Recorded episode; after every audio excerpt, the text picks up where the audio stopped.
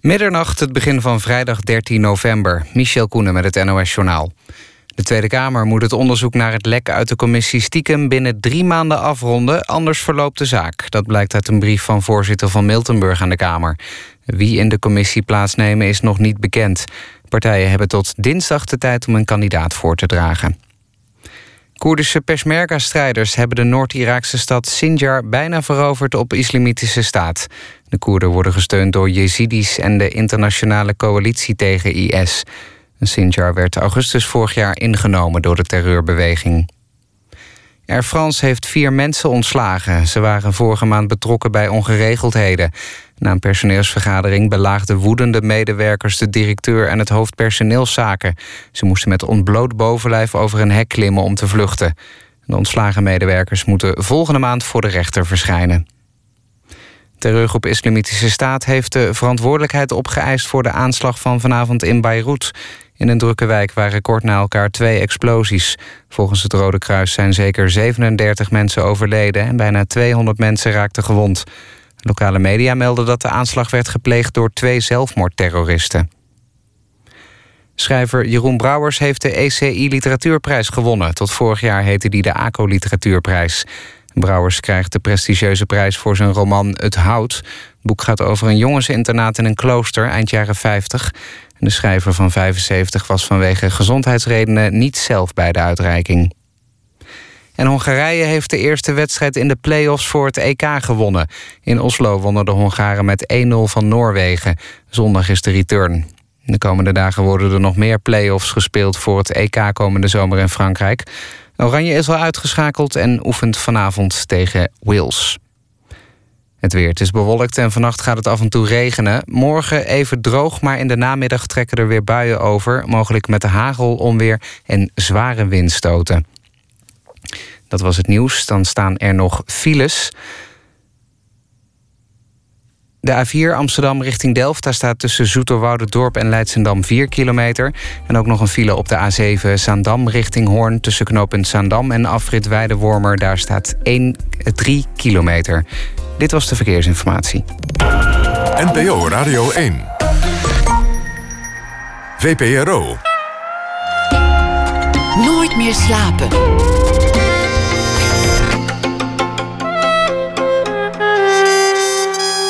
Met Pieter van der Wielen. Goedenacht en welkom bij Nooit meer slapen. Straks na één uur een gesprek met Kees Vlaanderen... die maandenlang in een detentiecentrum mocht filmen. En een film die je ook kunt ruiken. De naam daarvan is Polyester. Een uh, verslag ook na ene. We beginnen met Matthias Schoenaerts. Disorder is de titel van zijn nieuwe film. In Frankrijk uitgebracht onder de naam Maryland. Geregisseerd door Alice Winocourt. Een romantische actie-thriller-comedie. Of nou ja, laat comedie maar weg. Schoenaerts speelt een beveiliger... met een posttraumatische stressstoornis is opgelopen in Afghanistan en hij moet een villa aan de Côte d'Azur bewaken. Wordt hij waanzinnig of ziet hij het gevaar juist scherper dan de rest? Matthias Schoenaerts is geboren in 1977 in Antwerpen. Hij is België's belangrijkste acteur van dit moment. Speelt in films in Amerika, Frankrijk, Vlaanderen. Zijn doorbraak was de film Runskop. Bracht hem tot de Oscars. Recent was hij ook nog te zien in De Rouille et. Far Away from the Madding Crowd. Sweet Française. En The King's Garden samen met Kate Winslet. En nog heel veel meer films. Matthias Groenarts, welkom. Laten, laten we beginnen met uh, de film. Maryland heet hij in Frankrijk. En Disorder heet hij in uh, de, de rest van de wereld. Een hele intensieve rol heb je gespeeld. Een, een, een uh, soldaat die tussen twee missies in Afghanistan een, een baantje heeft als bewaker. Hij moet een, een huis, een villa bewaken. Maar hij leidt aan een posttraumatische stressstoornis. Heel erg intensief. Als, als kijker vraag je permanent af klopt het nog? Zit het in zijn hoofd of is er echt, echt gevaar? En het wordt de hele tijd voelbaar gemaakt. Maar vaak alleen maar met, jou, met jouw mimiek. Vaak, vaak gebeurt het alleen maar met jouw gezicht. Ja, ik, denk, ik denk dat de regisseur... Um, zij wilde eigenlijk een, een, een, een heel zintuigelijke ervaring afvuren op het publiek. Ze, wou geen uh, intellectueel of filosofisch traktaat maken over mensen met die aandoening. Dus ze dacht, hoe kan ik, hoe kan ik dat zintuigelijk maken en, en, en de mensen met hetzelfde ongemak opzadelen. Dus dan, heeft ze ten eerste gekozen om, om, om echt uh, heel kort op de huid te zitten van het personage. En natuurlijk ook um, aan de hand van, van muziek proberen zijn emotionele beleving tastbaar te maken. En dus een, een heel beklemmende, claustrofobische film te maken. Heb jij jezelf verdiept in, in wat het is, een posttraumatische stressstoornis? Ja, ik heb drie, uh, drie jonge soldaten ontmoet. Die, uh, en die echt jong zijn. Uh, namelijk de jongste was 30. En die, was, die heeft acht jaar is die op allerlei missies geweest over de hele wereld. En hij, was, hij werkte als ontmijner. Moet je inbeelden wat voor de, de stressbestendigheid van zo iemand. Dat is, het kan elk moment ploffen, het kan elk moment afgaan. Ja, dat is, dat is onwaarschijnlijk.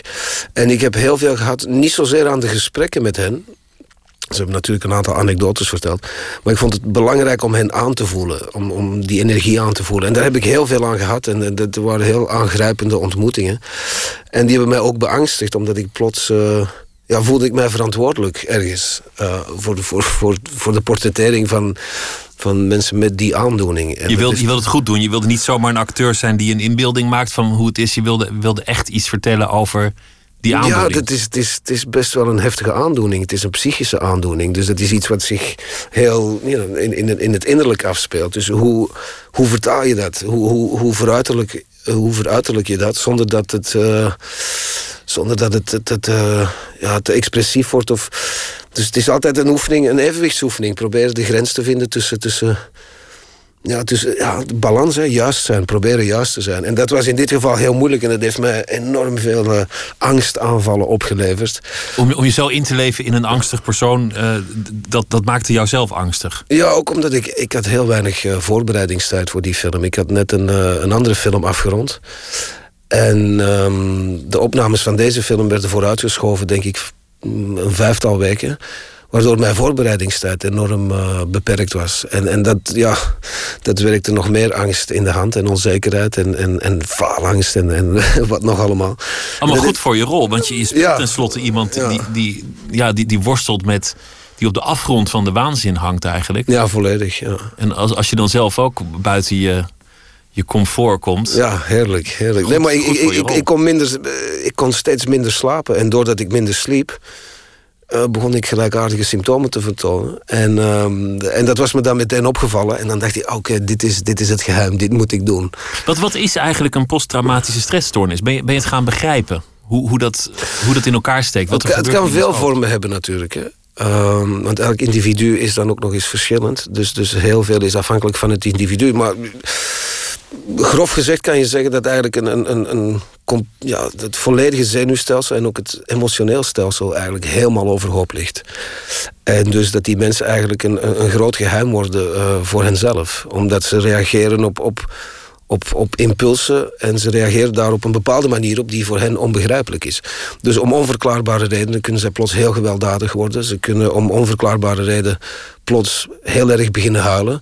En ze begrijpen niet noodzakelijk zelf waarom ze nu uh, net huilen. En dat is een heel bizarre het is een heel bizar gebied om in te vertoeven. Om jezelf te verliezen. Ja, moet je inbeelden dat jij nu plots begint te huilen en je weet niet waarom. Maar je huilt echt vanuit een heel diepe, vanuit een heel diepe pijn, maar je weet niet waarom. Dat is vrij bizar om dat, uh, om, om dat te ondervinden van jezelf, denk ik. Je had het zelf op een gegeven moment ook tijdens de opname, zei je. Je had je zo ingeleefd in het personage met korte voorbereidingstijd. Je was zo diep gegaan voor deze rol dat het, dat het jezelf overkwam. Hoe, hoe ging dat? Ja, dat zijn dan dingen waar je, waarvan je voelt dat ze je overkomen. En dan op het moment dat ik me daar dan bewust van word, dan laat ik dat ook gebeuren. Dus dan speel ik daar ook mee. Want ik, ik besef nog altijd wel dat ik op een filmset sta. En ik besef nog altijd eh, heel goed dat ik een rol aan het spelen ben. Maar als ik dan ehm, dat soort dingen ja, voel gebeuren met mezelf, dan, dan werk ik ze ook nog eens in de hand. Dat is natuurlijk ook wat je dan doet als speler.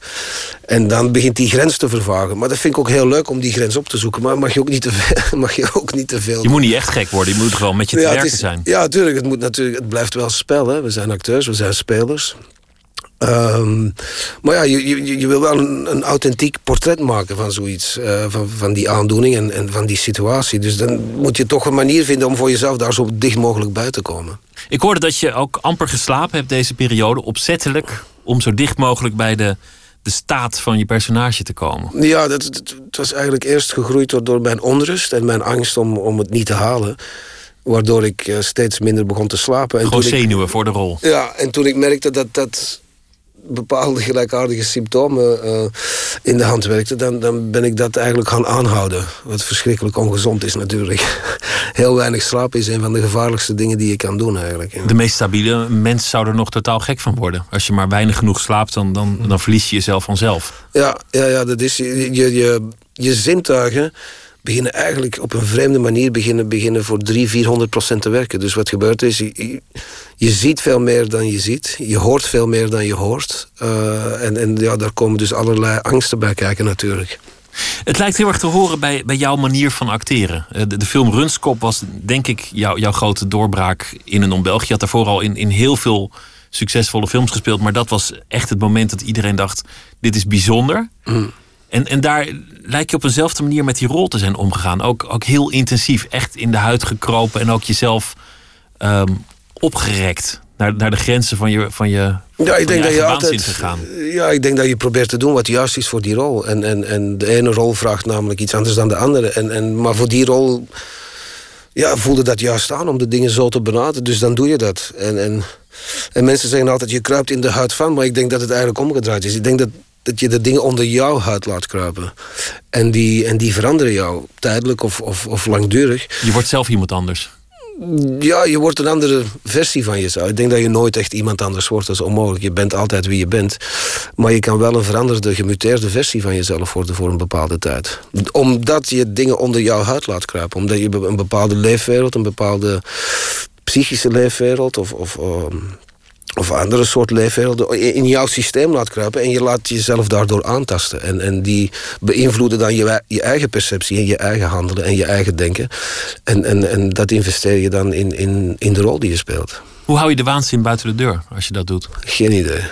Dat gebeurt je gewoon niet. Ik weet het niet. Nee, maar het blijft natuurlijk, je moet je altijd wel bewust blijven van, van hetgeen wat je aan het doen bent. Hoe, hoe ver je die grens ook opzoekt het blijft wel spelen en het blijft wel iets waar je meester van moet blijven. Dus zelfs van die waanzin moet je tot op zekere hoogte meester blijven. Die grens is natuurlijk heel dun, maar de, de, grens tussen waanzin en, en uh, wat zeg ik er tegenover? Zin zou je het dan moeten noemen. Of uh, stabiliteit of, of, of, het normale. Ja, maar misschien is stabiliteit wel de echte waanzin. Wie weet, het is, het, is maar, het is maar een vraagstuk natuurlijk. Het is maar, alles is perceptie, alles hangt af van hoe je naar de dingen kijkt. Jouw leven moet, moet vrij intens zijn. Als ik alleen maar kijk naar, naar wat, ik, wat ik in de bioscoop aangekondigd zie... en wat ik aan films voorbij zie komen. Je, je hebt um, een flink aantal grote rollen gehad. Bigger Splash komt eraan dit mm. voorjaar. Deze film die, die gaat nu uh, zo'n beetje in première. Je had uh, afgelopen jaar Far From The Madding... Crowd, je had The Danish Girl, je had uh, Sweet Française, dat was ja. vorig jaar. De Drop ook nog van Michael Roskam. Ja. Ook nog, kortom, allemaal grote rollen. Allemaal langdurige projecten en, en zeer kort na elkaar. En ook nog in verschillende landen. Ja, maar het is wel zo dat al die films zijn, zijn eigenlijk opgenomen in een tijdspanne van drie jaar. En die komen nu allemaal tegelijkertijd uit. Dus, dus het lijkt erger ja, dan het ja, is. Ja, ja, ja, ja. Ik verschiet ervan dat mensen met mijn stomme kop nog altijd niet beu zijn. Ik denk, jezus, komen al die films tegelijkertijd uit. Integendeel, uh, ze kunnen niet genoeg krijgen van je, van je kop. Ja, ja, mensen willen meer. Dus, mensen zijn hongerig. Ja, even, even dankbaar zijn hè, en uh, hopen, hopen dat het blijft duren. Ja. Je bent daar heel rustig onder. Het, uh, het, het, succes, de, de, de vele interviewaanvragen, de, de merkwaardige verzoeken die je krijgt, de, de, grote rollen die worden aangeboden, het, het geld dat hier en daar um, op je pad komt en dat je dan niet accepteert, zoals in het geval van een vervolg op Robocop. Dan, de bedragen die werden genoemd waren gigantisch, maar jij zei nou is niet een rol waar ik veel voor voel. Het lijkt wel alsof, jij rustiger wordt naarmate het om je heen onrustiger wordt. Ja, ik, heb, ik geloof erin dat als je leven complexer wordt, dan, dan moet je filosofie eenvoudiger worden. Dus als, als, er, uh, ja, als je omringd wordt door meer en meer gekte, dan moet je voor jezelf denk ik een manier vinden om, om, om, om, om de eenvoud in die gekte te zien. En dus de dingen te vereenvoudigen. En, en ik zie geen enkele reden om, om, om om daar helemaal uh, horendol van te worden. Wat, en, wat, is jouw eenvoudige filosofie? Is, is die te benoemen? Um, ja, ik denk dat je gewoon altijd, altijd moet doen wat, wat juist voelt. Punt. En, en dat is eigenlijk iets, dat is heel simpel. Want eigenlijk als je echt probeert te luisteren naar wat je voelt en wat, wat goed voelt, dan kan je eigenlijk zelden een verkeerde keuze maken. En eigenlijk weet je altijd wat goed voelt. Dat weet je altijd. Je moet gewoon een manier vinden om, om, om die stem te horen. Die stem binnenin jezelf om die te horen, maar eigenlijk weet je het altijd. En is die stem, dat is iets lichamelijks, gewoon in je onderbuik of, of in je... Ja, dat is intuïtie. Dat is een heel mooi gezegde van Paulo Coelho. En dat zegt, uh, intuition is an exact science. En daar geloof ik in. Intuïtie is echt een exacte wetenschap. We gaan luisteren ook naar uh, muziek tussendoor van de Amerikaanse gospel en blueszanger Reverend Sean Amos. En het nummer heet Days of Depression. Woe!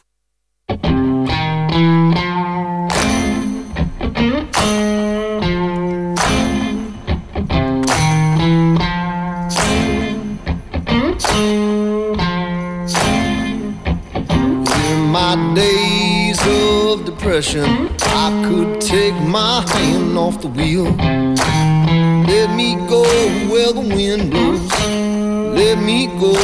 With the Lord in my days of depression, with my dark side doubling down. Let me go where the wind blows. Let me go with the Lord.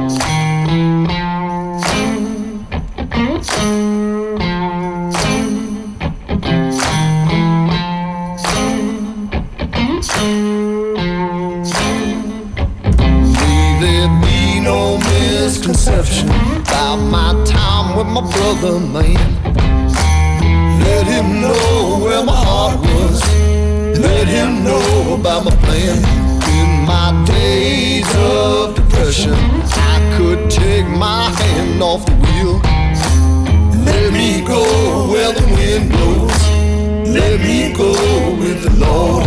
I said, let me go where the wind blows.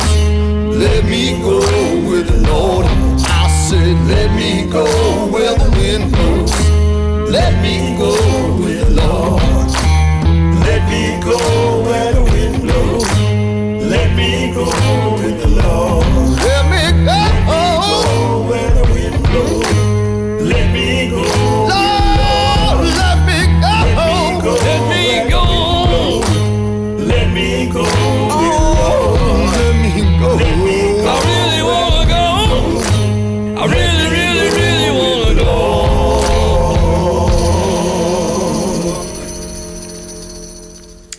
Days of Depression van Reverend Sean Amos samen met de Five Blind Boys of Alabama. Matthias Schoenaert zit hier uh, tegenover mij um, in de studio van Nooit meer slapen. Naar aanleiding van. Uh, Nooit meer slapen, heerlijk. Ja, goede titel. Van Disorder. Ja, ook toepasselijk bij, ja. bij je rol. Het, het, het, Nooit meer slapen. Wat voor ja. dingen doe je eigenlijk nog meer om, om, in, om je in een rol in te leven? In dit geval denken, nou, ik, ik, ik slaap een poosje niet. Dan word ik vanzelf onrustig. Ik heb, voor mij is dat geen exacte, exacte. Ik heb geen formules, ik heb geen methodes. Dat, dat is een heel intuïtief proces. En voor, dus ik benader dat intuïtief en ik doe wat ik. Wat mij juist lijkt en, en juist voelt voor een rol. En ik heb daar geen, ik heb daar geen absoluut antwoord op. Er zijn natuurlijk dingen die je altijd doet, zoals scriptanalyse, maar dat zijn, dat zijn, dat zijn basisdingen. Maar, maar voor de rest ja, probeer je heel veel met je intuïtie uh, je te laten leiden door je intuïtie uiteindelijk, denk ik. Ja, dat is het belangrijkste. En dat is met alles zo. Dat is in de liefde zo, dat is in het leven zo. Dat is Intuïtief leven is, is ja. jouw, jouw, jouw uh, gevoel. Suite Française bijvoorbeeld, ik noemde hem al, naar het ja. boek van Irene Nemirovsky. Een enorme bestseller was dat in Frankrijk. Speelt in de Tweede Wereldoorlog. Jij speelt een natie die, die indruk moet maken, ook vanwege het uniform, maar die uiteindelijk toch niet een, een strikt slecht persoon blijkt. Ja. Je, je hebt daar zo'n complex personage van gemaakt. Het is niet de, de goede natie, het is ook niet de slechterik. Het is ook geen, geen zachtaardige man, maar je, je krijgt gevoel met dat personage. Het, het, zit complex in elkaar. Denk, denk, je daar echt op dat niveau over na? Ja, ja, ja. ik hou van, van, van heel ambivalente en ambiguë rollen. Ik hou van rollen waar, waar, waar tegenover vooroordelen bestaan. In de hoop dat ik tegen het eind van die film die, die, die vooroordelen bij de kijker heb kunnen wegwerken. Een nazi-uniform, dan, dan heb je dat vooroordeel meteen. Ja, tuurlijk. Je bent, je bent een, Iedereen een soort daarvan, toch? duivelsymbool. Dus dan denk ik van, wat kan ik daar tegenover stellen? En, en voor mij was het een. Ik heb daar heel lang over nagedacht om die rol te spelen. Omdat ik dacht, Jezus, dat is toch wel wat. Een nazi spelen. Maar dan dacht ik van nee, eigenlijk speel ik een componist. Want aan de basis is dat iemand die, die daar zijn missie van wilde maken in het leven. En dan denk je, ah, daar kan ik iets mee. Het is een verdwaalde componist in een nazi-uniform. Ja, ja, maar daar kan ik dan iets mee. En dat uh, begint gewoon met het lezen van het script en het nadenken over, ja. over die persoon. Ja. Die jij dan vervolgens in jezelf laat ja. kruipen. Ja, absoluut. Heb je zelf wel eens geworsteld met de waanzin eigenlijk? Omdat we het daar net over hadden. geworsteld niet. Ik, ik vind het iets heel fascinerend. eh, omdat, wat is waanzin? Wat zijn de grenzen van waanzin? En wie bepaalt wat waanzin is? En, en dat, dat, dat hangt allemaal af van de perceptie van, van degene die het woord gebruikt.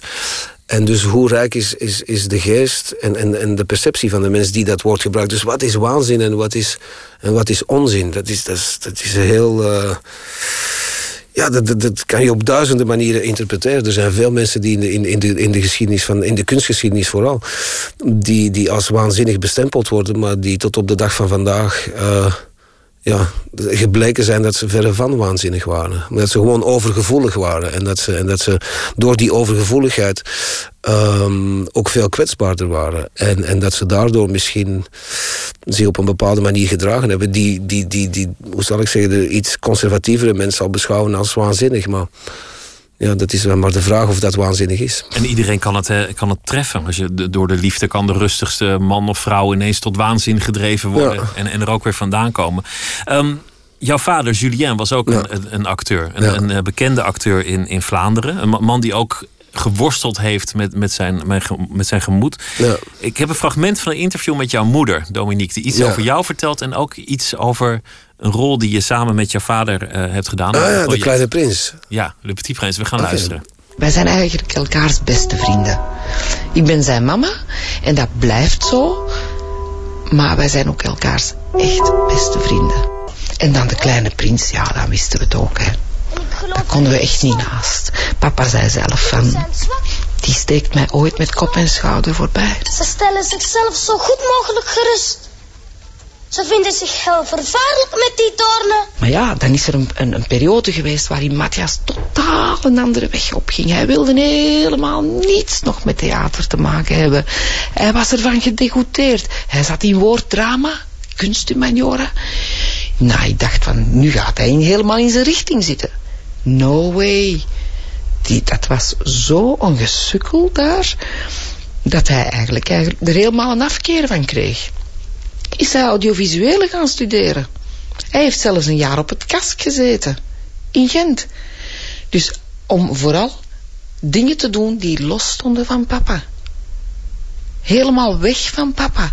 Nee, hij wou iets ontwikkelen dat van hem was. En waar niemand zou zeggen, hij heeft het van zijn vader. Want hij bewonderde zijn vader. Hij adoreerde zijn vader. Maar hij wilde niet een soort afkooksel zijn daarvan. En altijd die, die referentie. Niet dat hij dat papa misgunde. Dat er naar gerefereerd werd, maar...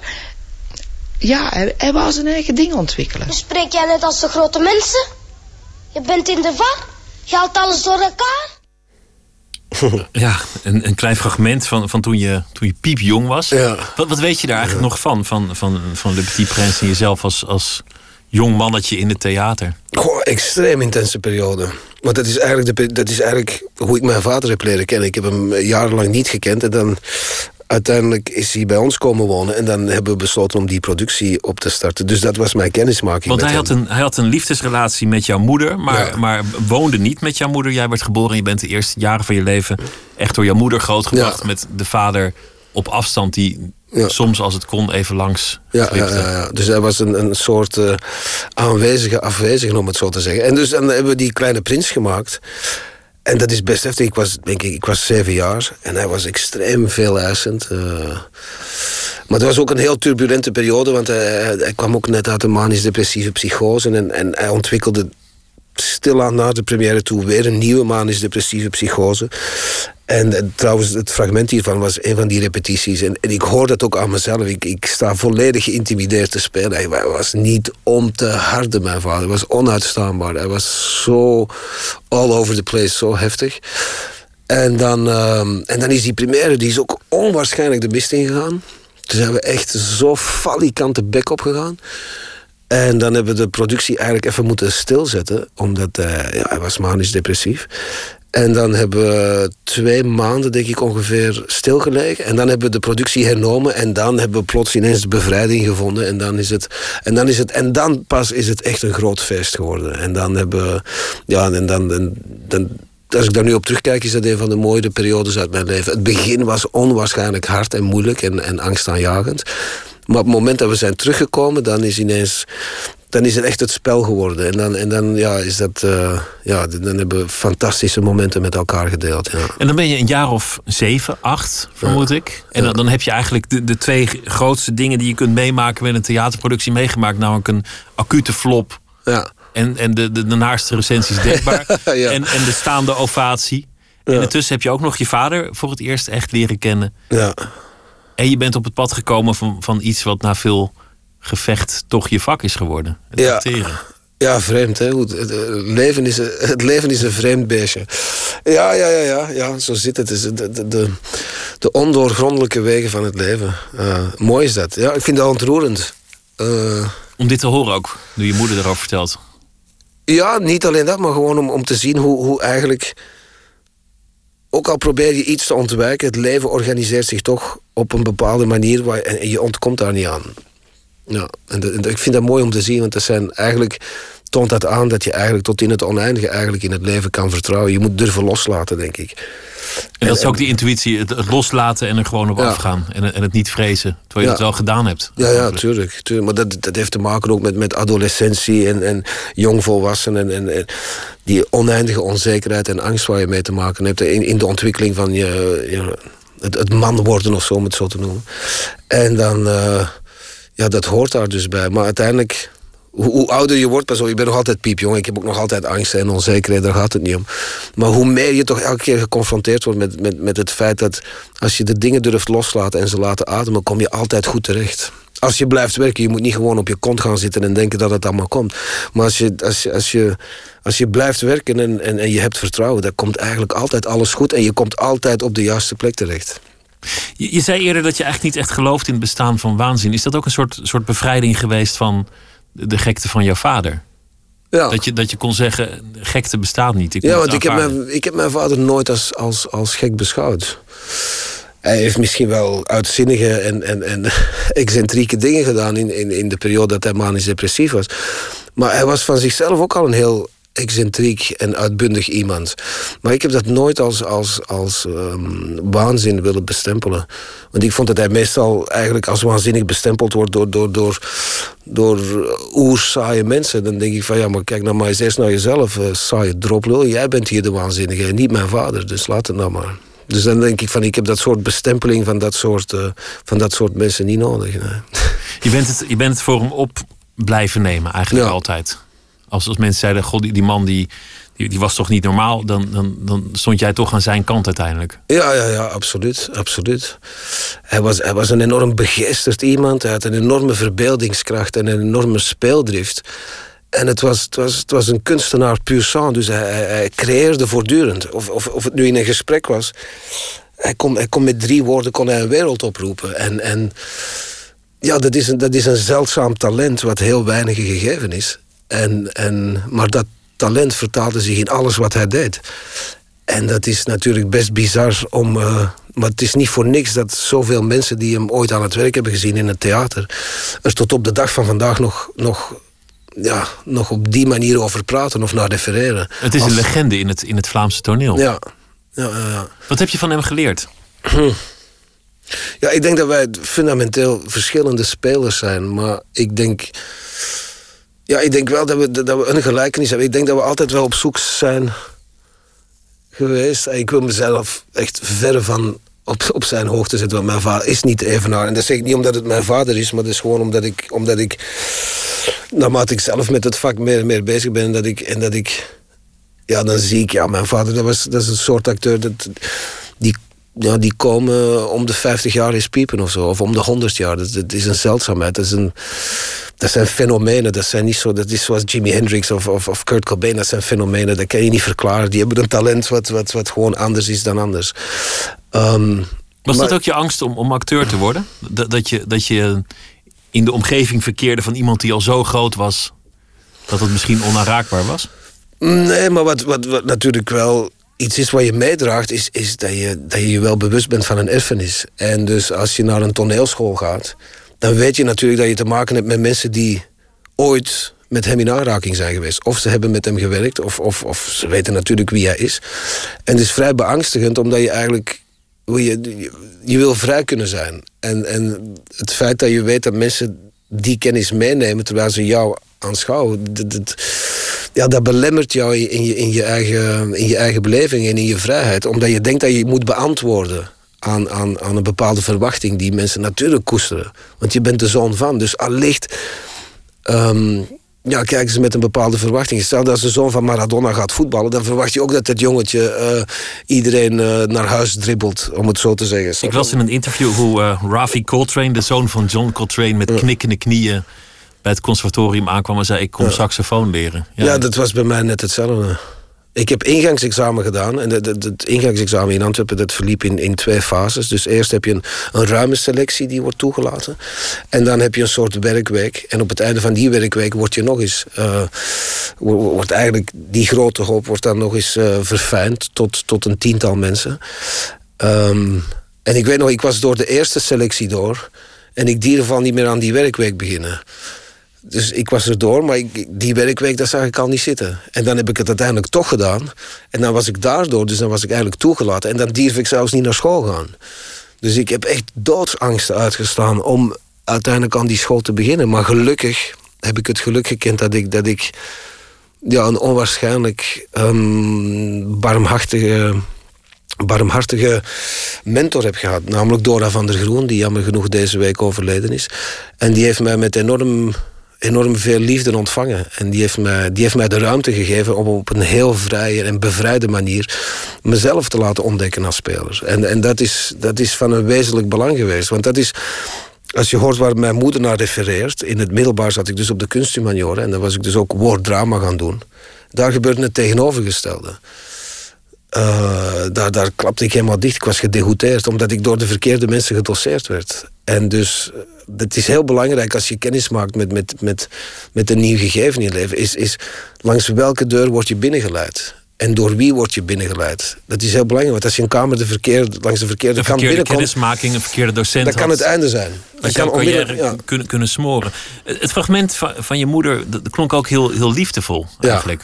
Ja, klonk, ja, klonk alsof jullie een, een heel warme band hebben... en alsof ze jou eigenlijk ook altijd op de goede manier ja. op het pad heeft weten te houden. Ja, ja ik denk, ze heeft bloed, zweet en tranen uh, moeten doorstaan om mij op, die, op, op het juiste spoor te blijven houden. Maar ja, dat heeft ook te maken met jong zijn en tiener en, en wat nog allemaal.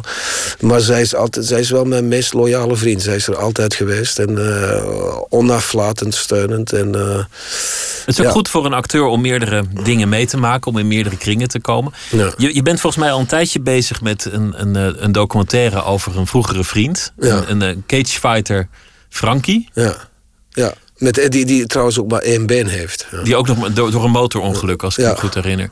Waar, waar, kende je die van? Hoe, hoe, kwam je eigenlijk in die kringen terecht? Nee, dat is, uh, we zijn opgegroeid in dezelfde, in dezelfde buurt. Uh, en dat was niet ver van de, de, de, de Rosse buurt in Antwerpen. Een heel bekende een heel bekende buurt in Antwerpen, het Schipperskwartier. En daar, uh, en daar ben ik opgegroeid. En, en ja, dus ik ging rond met die, uh, met die jongeren allemaal. Dus, uh, dat is, en dat is zo geweest tot mijn ja, 16, 17 jaar. Was dat een beetje mijn leefwereld. Dat en ik heb het geluk... Dat is vrij ruwe omgeving. Ja, dat was het ook. Dat was het ook. Maar ik had het geluk dat ik wel maar eigenlijk al die kinderen kwamen voort uit, uit, uit, heel onevenwichtige gezinssituaties en gebroken families. En bij mij was het niet anders, maar ik had wel het, het, het geluk dat, hoewel onze situatie niet de meest evenwichtige was, familiaal, was er toch wel was de grote drijfveer binnen dat gezin bleef wel liefde. En dus ik ben altijd getuige geweest van een, van een onvoorwaardelijke liefde... die zeker van mijn moeder uitging naar mijn vader en naar mij toe. En dat is denk ik voor, ja, het verschil geweest tussen mij en die andere jongeren... die, die, die ook in gebroken gezinnen zaten en onevenwichtige, onevenwichtige gezinssituaties... maar waar het ook veel liefdelozer aan toe ging. Met alle gevolgen van dien op latere leeftijd natuurlijk. Misschien juist wel omdat je niet in een, een heel formeel gezin bent opgegroeid omdat je ouders niet samen waren en, en dat je niet echt uit een huwelijk voortkwam, dat het daarom juist liefdevol was. Ja, ja. Alle kanten op werken. Het, ja, inderdaad. Maar ik denk, ik denk eigenlijk dat alles wel vertrekt bij mijn moeder. Zij was degene die. Ja, zij was de motor. Zij was degene die, die ook de visie had. En die, en die altijd de dingen in een groter perspectief zag. En die vanuit dat grote perspectief altijd heel trouw bleef aan, aan, aan, aan hetgeen waarvan, zij over, waarvan ze overtuigd was. En dat nooit heeft losgelaten. Want de- de- het leven heeft eh, de meest eh, gekke en heftige dingen op haar pad gegooid. En, eh, en het is- ze is nooit, nooit van haar missie afgeweken. En zo zag ze het ook. Ze zag het echt als een missie.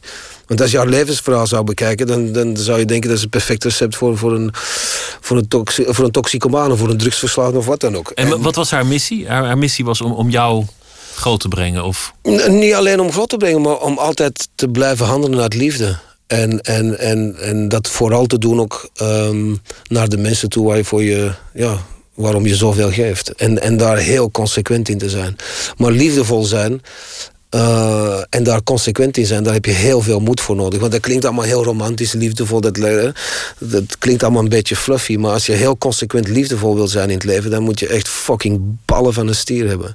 Het is veel gemakkelijker om, cyni- om cynisch te worden en brutaal te worden. Maar liefdevol blijven, dat is alleen maar de hele grote gegeven. Kijk naar Nelson Mandela, nog zo iemand. Dat is alleen maar de hele grote en de hele sterke mensen gegeven. het vergt moed om niet te haten? Ja, echt wel, ja. Die film Runskop, toen jij die ging doen, toen, toen heb je ehm, je oude maatje Frankie weer opgezocht. Want jij moest heel groot worden. Het ging over de, de hormoonmafia. Mhm. Eh, die die eh, koeien proberen wat, wat sneller vet te mesten. En, Ja. en een, een illegaal maffia-achtig circuit. En jij moest een, een, een man spelen. Ja, eigenlijk zelf een rund van een man. Een, Ja. een soort stier eigenlijk. Een enorme spiermassa. Ja, Minotaurus, dat was, eigenlijk, dat, dat was eigenlijk het beeld dat ik voor ogen had. Want Michael in het begin zei, ja, je zou wel wat moeten bijkomen. En, maar ik, ik, ik, weet het niet. Zo werkt dat dan bij mij. Michel snap was de, de, de, de De regisseur. regisseur. En bij mij begint dat dan weer... Dat is mijn intuïtie die plots... Plots zie ik dat beeld in mijn geest en dan zie ik die Minotaurus. En dan denk ik, ja, dat is mijn intuïtie, zegt Minotaurus. En dan denk ik, Minotaurus zal het zijn. En dan denk ik, ik moet een Minotaurus worden. En dan moet je dus in, in nou wat zal het zijn, drie maanden tijd, Nee, niet drie maanden. Ik heb daar een jaar over gedaan. een jaar. En dan moet je 10 kilo aankomen, 15 kilo. Nee, alles tezamen, alles tezamen ben ik tussen de 25 en de 30 bijgekomen. Ja. Dat was echt eh, heftig. Het grappige was dat in, die, in de aanloop van de film, denk de laatste acht maanden, heeft Michael mij niet gezien. Die heeft mij dus zien verschijnen, denk ik, op de kostuumdoorpas. En die, die, die, die eh, want ik kwam ook niet meer buiten, vrienden zagen mij ook niet meer. Dus, eh, omdat ik, ja, ik, ik had geen behoefte om op café te gaan of wat dan ook. Ik zat echt op mijn planeet en dat, dat was goed zo. En dus Michael die ziet mij op de kostuumdoorpas en die, ja, die, die, ja, die viel bijna echt omver. Dat was wel grappig. Dan ga je heel ver voor, voor een rol. Je kunt je bijna afvragen, want dit, dit was eigenlijk een relatief kleine film aanvankelijk Ja. bij, bij productie. Het was niet een, een soort mega Hollywood productie. Nee, nee, het is een heel klein budget ook, 2 miljoen euro. Dat En- is naar en om Belgische daar- normen wel iets, maar... Om voor zo'n film zo ontzettend ver te gaan. Om je, je lichaam tot het uiterste eh, op te rekken. En dan, en dan ook nog het psychische, wat, wat ook vrij heftig was. Je een jaar op te sluiten alleen voor zo'n rol. Ja. Je, je moet eigenlijk, eigenlijk een soort van bezeten zijn om dit werk goed te Ja, doen. maar voor mij was, was Runskop eigenlijk de, de alles of niets rol. En dan spreek ik niet in termen van succes, maar ik, ik, ik had het geluk tot op dat punt wel om, om aan een aantal mooie producties deel te nemen. Maar elke keer dat ik die film zag, had ik zoiets van. ah, voor mijn gevoel mag cinema toch meer zijn, mag het krachtiger zijn, moet het, moet het, moet het nog meer van dat scherm spatten. En dus ik, eigenlijk is het misschien niet onfair om te zeggen dat ik eigenlijk, eigenlijk was ik teleurgesteld in, in, in ja, ik, ik was niet bevredigd met, met, met, met, met, met, de dingen die ik zag. En, en dan, ja, dan kwam die rol op mijn pad. En dan hebben we daar zes jaar aan gewerkt. En ik had zoiets van, ik voelde de mogelijkheid om hier iets heel bijzonders mee te maken. En dan dacht ik, oké, maar als, als ik niet echt zielsgelukkig ben met deze film, dan stop ik ermee gewoon. Dan, heb dan, dan ga ik iets anders doen. Dan Dan, is het niet bijzonder genoeg, niet, niet, niet Nee, voor mij moet, moet, cinema moet echt eh, moet, eh, klets rond de oren zijn. Liefst. En ik weet dat dat niet elke keer kan. Maar als het nooit zo is, dan is het wel echt heel vervelend natuurlijk. Hetzelfde als een muzikant die een album maakt en die maakt nooit een goed album. Dat is toch voor te rotten, of niet? Dan Nou ja, het kan een keer gebeuren, maar als het drie keer gebeurt, dan... dan ja, dat is toch vervelend. Dus je wilt Ja. toch... eh, en en die, ik wil niet zeggen dat alle andere films die ik gedaan heb, dat ik daar niet blij mee ben. Maar ja, niet genoeg. Nee, ik denk, godverdomme, er mist iets. Het is niet... Ja, it doesn't punch enough. Snap je? En, en dan dacht ik, oké, voor Runskop is het alles of niks. En als ik hier niet blij mee ben... En het gaat mij dan niet over succes, hè. Kijk, want... wij gingen er niet vanuit dat, het, dat die film het succes zou uh, krijgen dat die gekregen heeft. Hè. Dat was... Zelfs een Oscar-nominatie ja. en, en uh, allerlei andere dingen. Het ja, is een, een legendarische film geworden. In ja, er waren dingen waar wij totaal geen rekening mee hielden. Maar voor mij ging het echt over is het een film waar ik blij om ben, die, waar ik graag naar gekeken heb, die mij iets doet. En ik dacht, want als er niet zo is, dan stop ik ermee. En daarom ben ik daar ook zo absoluut en extreem in geworden. Ik dacht, oké, ik geef ook alles. Ik ga deze keer nog echt verder dan ik ooit gegaan ben. En dan kan ik ook niet meer doen. Maar als ik dan niet gelukkig ben, dan echt, dan echt gedaan met spelen. Letterlijk, gedaan met spelen. en dan gebeurt dit en dan denk je van... hé, hey, godverdomme, cinema kan toch nog, even, kan toch nog wel iets doen. Ja. We gaan luisteren naar uh, Alabama Shakes met een uh, nummer Guess Goeie stem heeft hij, zeg. Ja? Ja, ja, Alabama Shakes. Dat is, ik heb die live gezien, fantastisch. We gaan luisteren.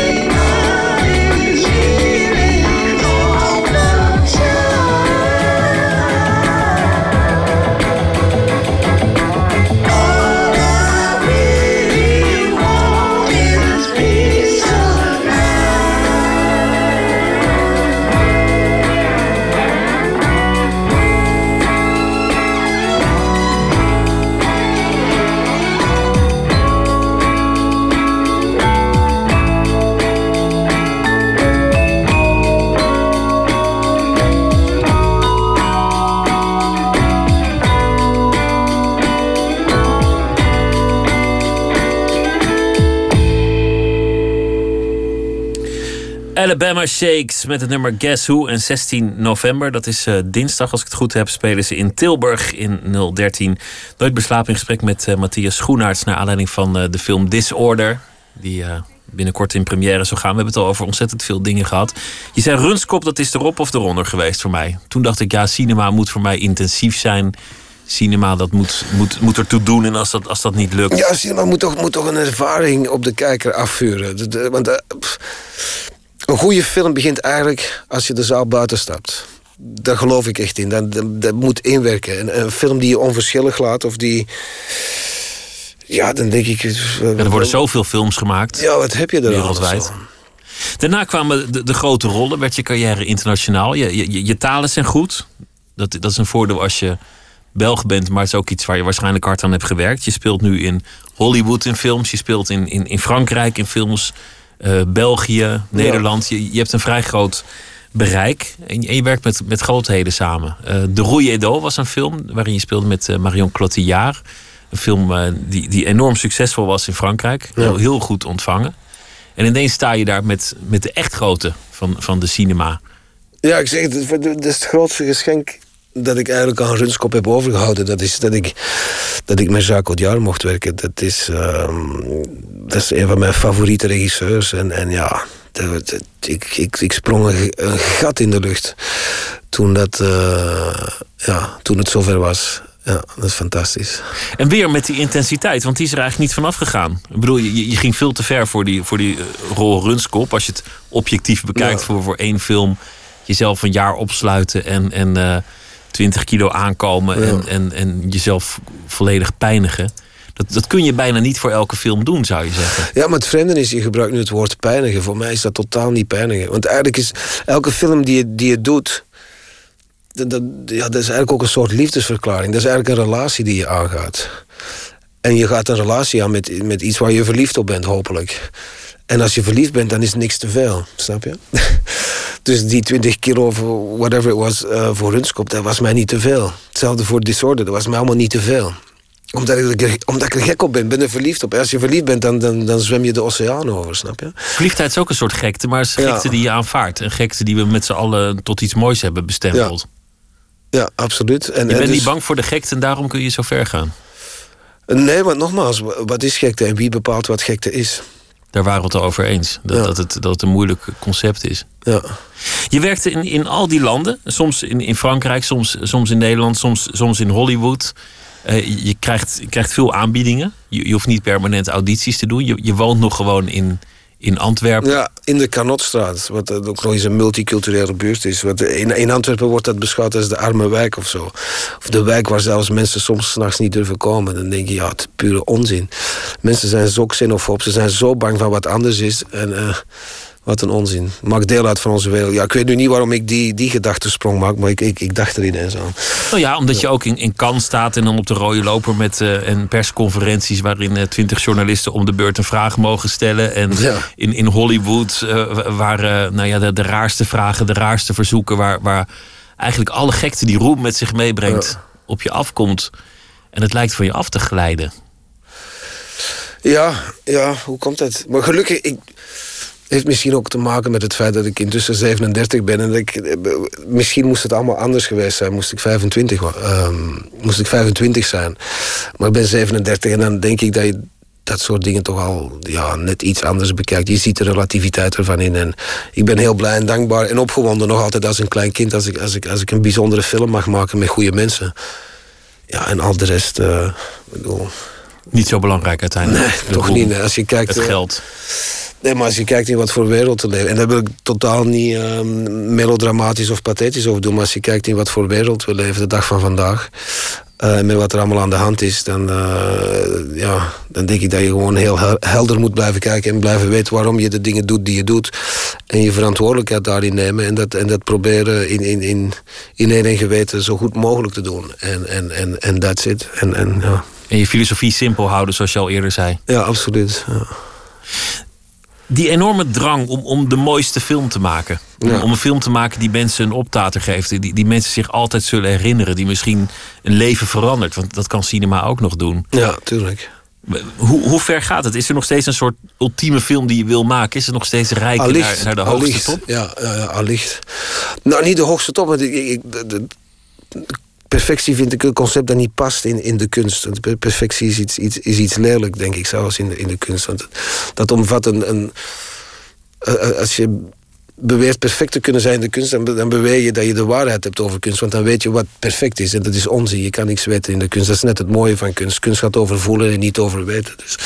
ehm, maar er is, ja, ik, ik, ik, heb nog wel ideeën waarvan ik dan denk, ja, dit kan een bijzonder verhaal zijn. Is het dan de beste belangrijkste? Dat, dat maakt het niet uit. Maar ik heb nog wel de drang om dingen te vertellen en dingen te maken. Ja, dat is zeker. Ja, ja, ja, ja. Maar je, je weet niet hoe het eruit ziet. Ook, ook daar volg je. Het, het, het wordt je, ja komt op je pad.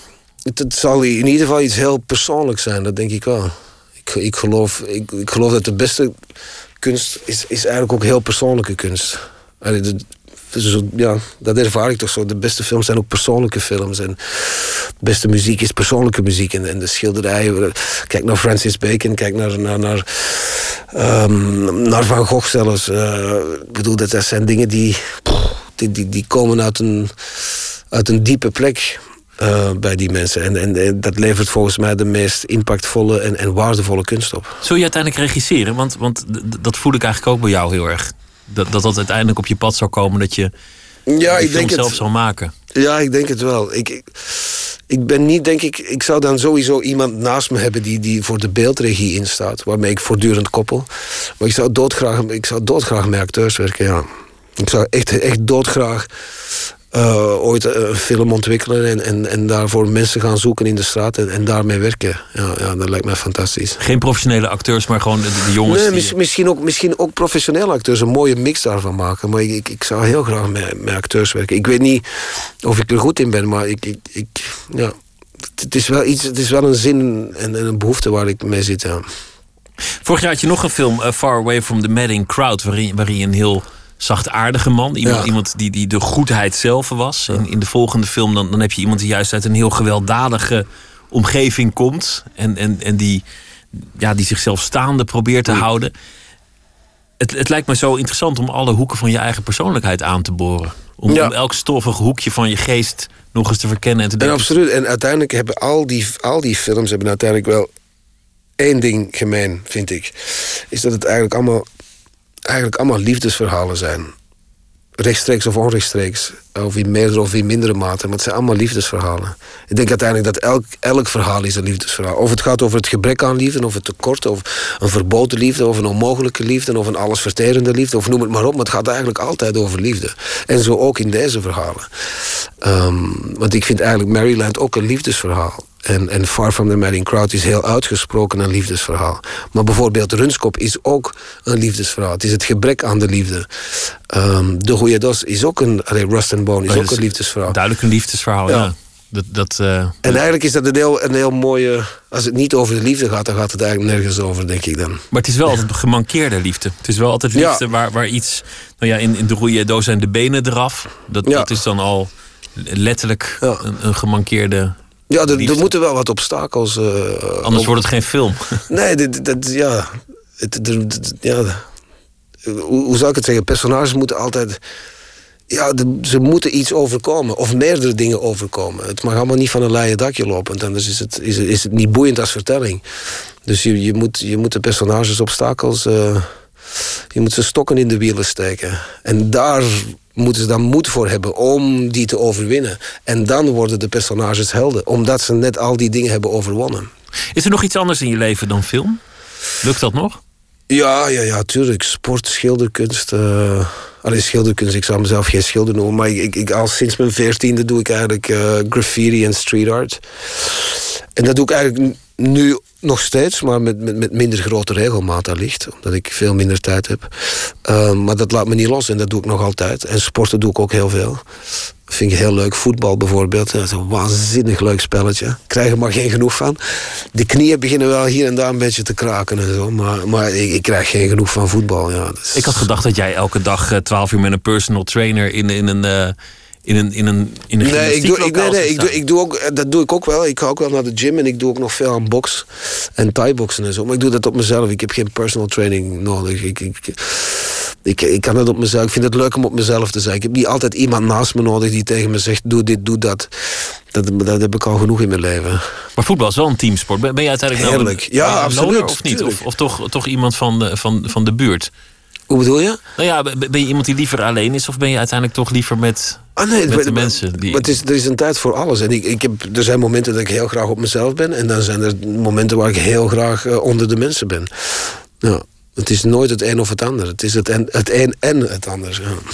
Wat komt er de komende tijd aan? Uh, we hebben deze film besproken, Disorder. Dan komt nog uh, A Bigger, Splash. The Danish Girl. The Danish Girl, die komt er ook nog aan. Wat, wat, wat, is dat voor project?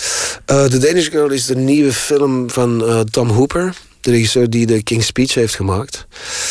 En die vertelt het, het waar gebeurde verhaal. Um, van de eerste man die die zich heeft laten opereren tot, uh, tot vrouw.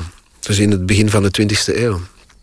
En dus we, hebben, ja, we krijgen daar een, een verfilming van een boek. Dus dat is gebaseerd op een boek. En dat gaat over een schilderskoppel.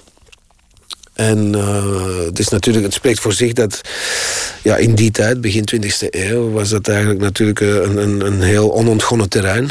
Was het sociaal natuurlijk ook nog compleet niet aanvaard. Zelfs de dag van vandaag ligt het nog een beetje moeilijk. En daarom is die film ook heel belangrijk. Um, en, en, en los van het feit dat die film heel belangrijk is, ook daar gaat die film voor mij in de eerste plaats is het, is het geen transgender film of, of whatever. Voor mij gaat het weer over liefde, over, over hoe dat koppel met dat gegeven omgaat. En vooral hoe die vrouw met, met, met haar man omgaat, die uiteindelijk, um, die uiteindelijk vrouw wordt. En de onvoorwaardelijkheid van haar liefde in, in, in, in de hulp die zij biedt, in, in, in het waarmaken van die wens. Van is, haar dat, man. is dat ook jouw rol, degene die uh, van geslacht. Uh, nee, nee, nee, nee, nee, die wordt gespeeld door Eddie Redmayne, die vorig jaar trouwens de Oscar won met uh, de um, Theory of Everything, waar hij. Um, Stephen Hawking speelde. Ja. En ik speel eigenlijk een jeugdvriend die, um, die eigenlijk ongeveer in de helft van de film um, van toepassing wordt. Ja. Ik kijk er naar uit naar die film en naar uh, alles wat je nog gaat maken. Matthias Schoenaerts, dank je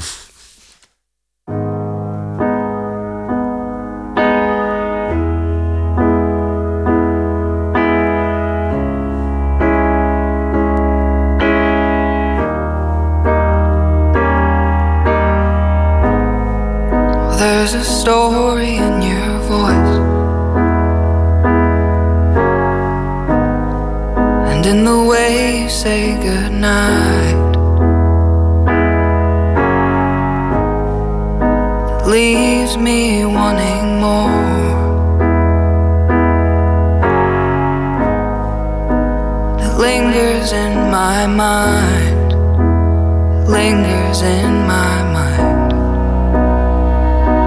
It was the golden age of being lost in love. You wrote the perfect page, then you ripped it up. You ripped it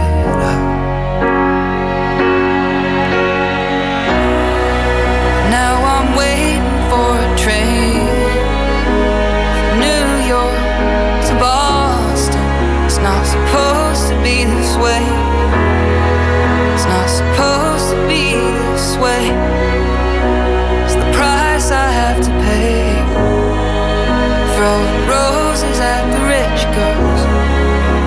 I start to feel okay. When I start to feel okay.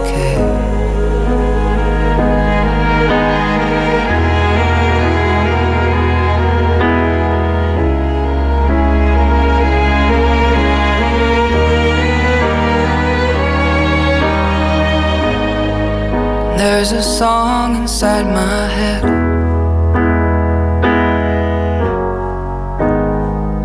That plays on constantly. Loud enough to wake the dead. It's a song for you and me. It's a song Those were the sleepless nights, learning to make love, and all sunken eyes, being too far gone,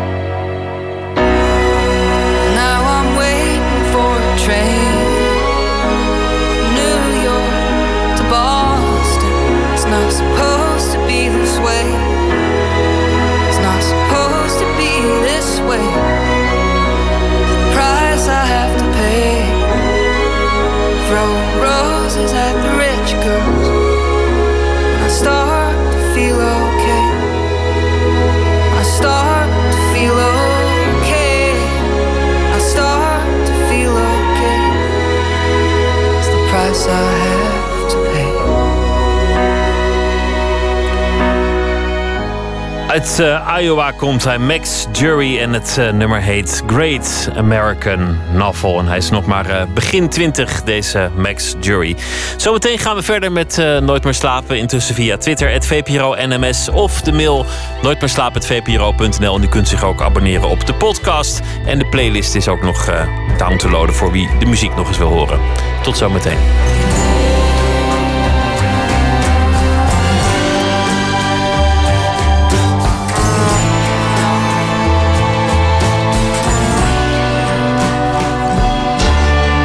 Radio 1. Het nieuws van alle kanten.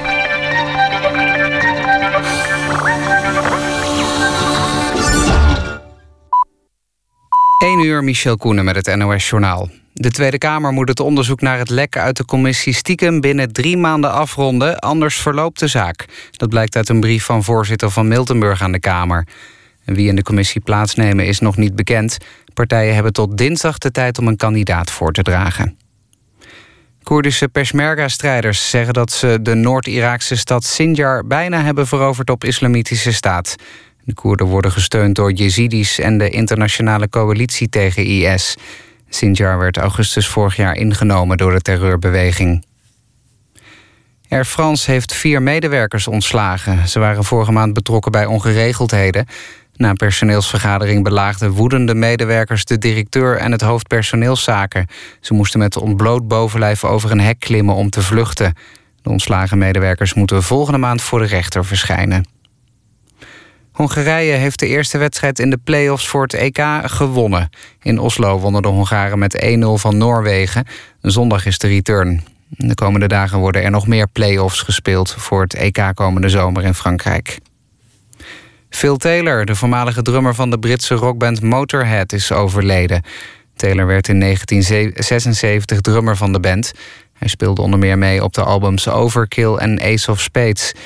In 1992 werd hij uit de band gezet omdat hij de drumsectie van een nummer niet had ingestudeerd. Phil Taylor was 61 jaar.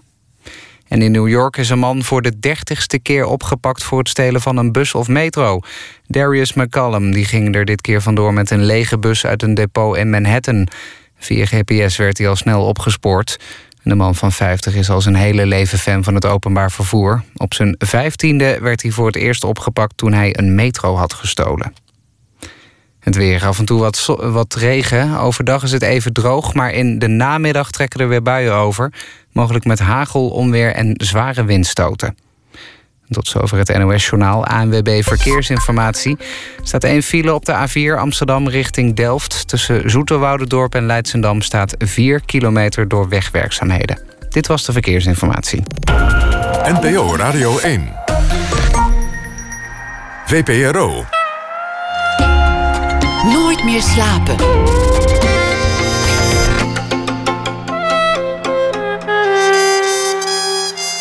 Pieter van der Wielen.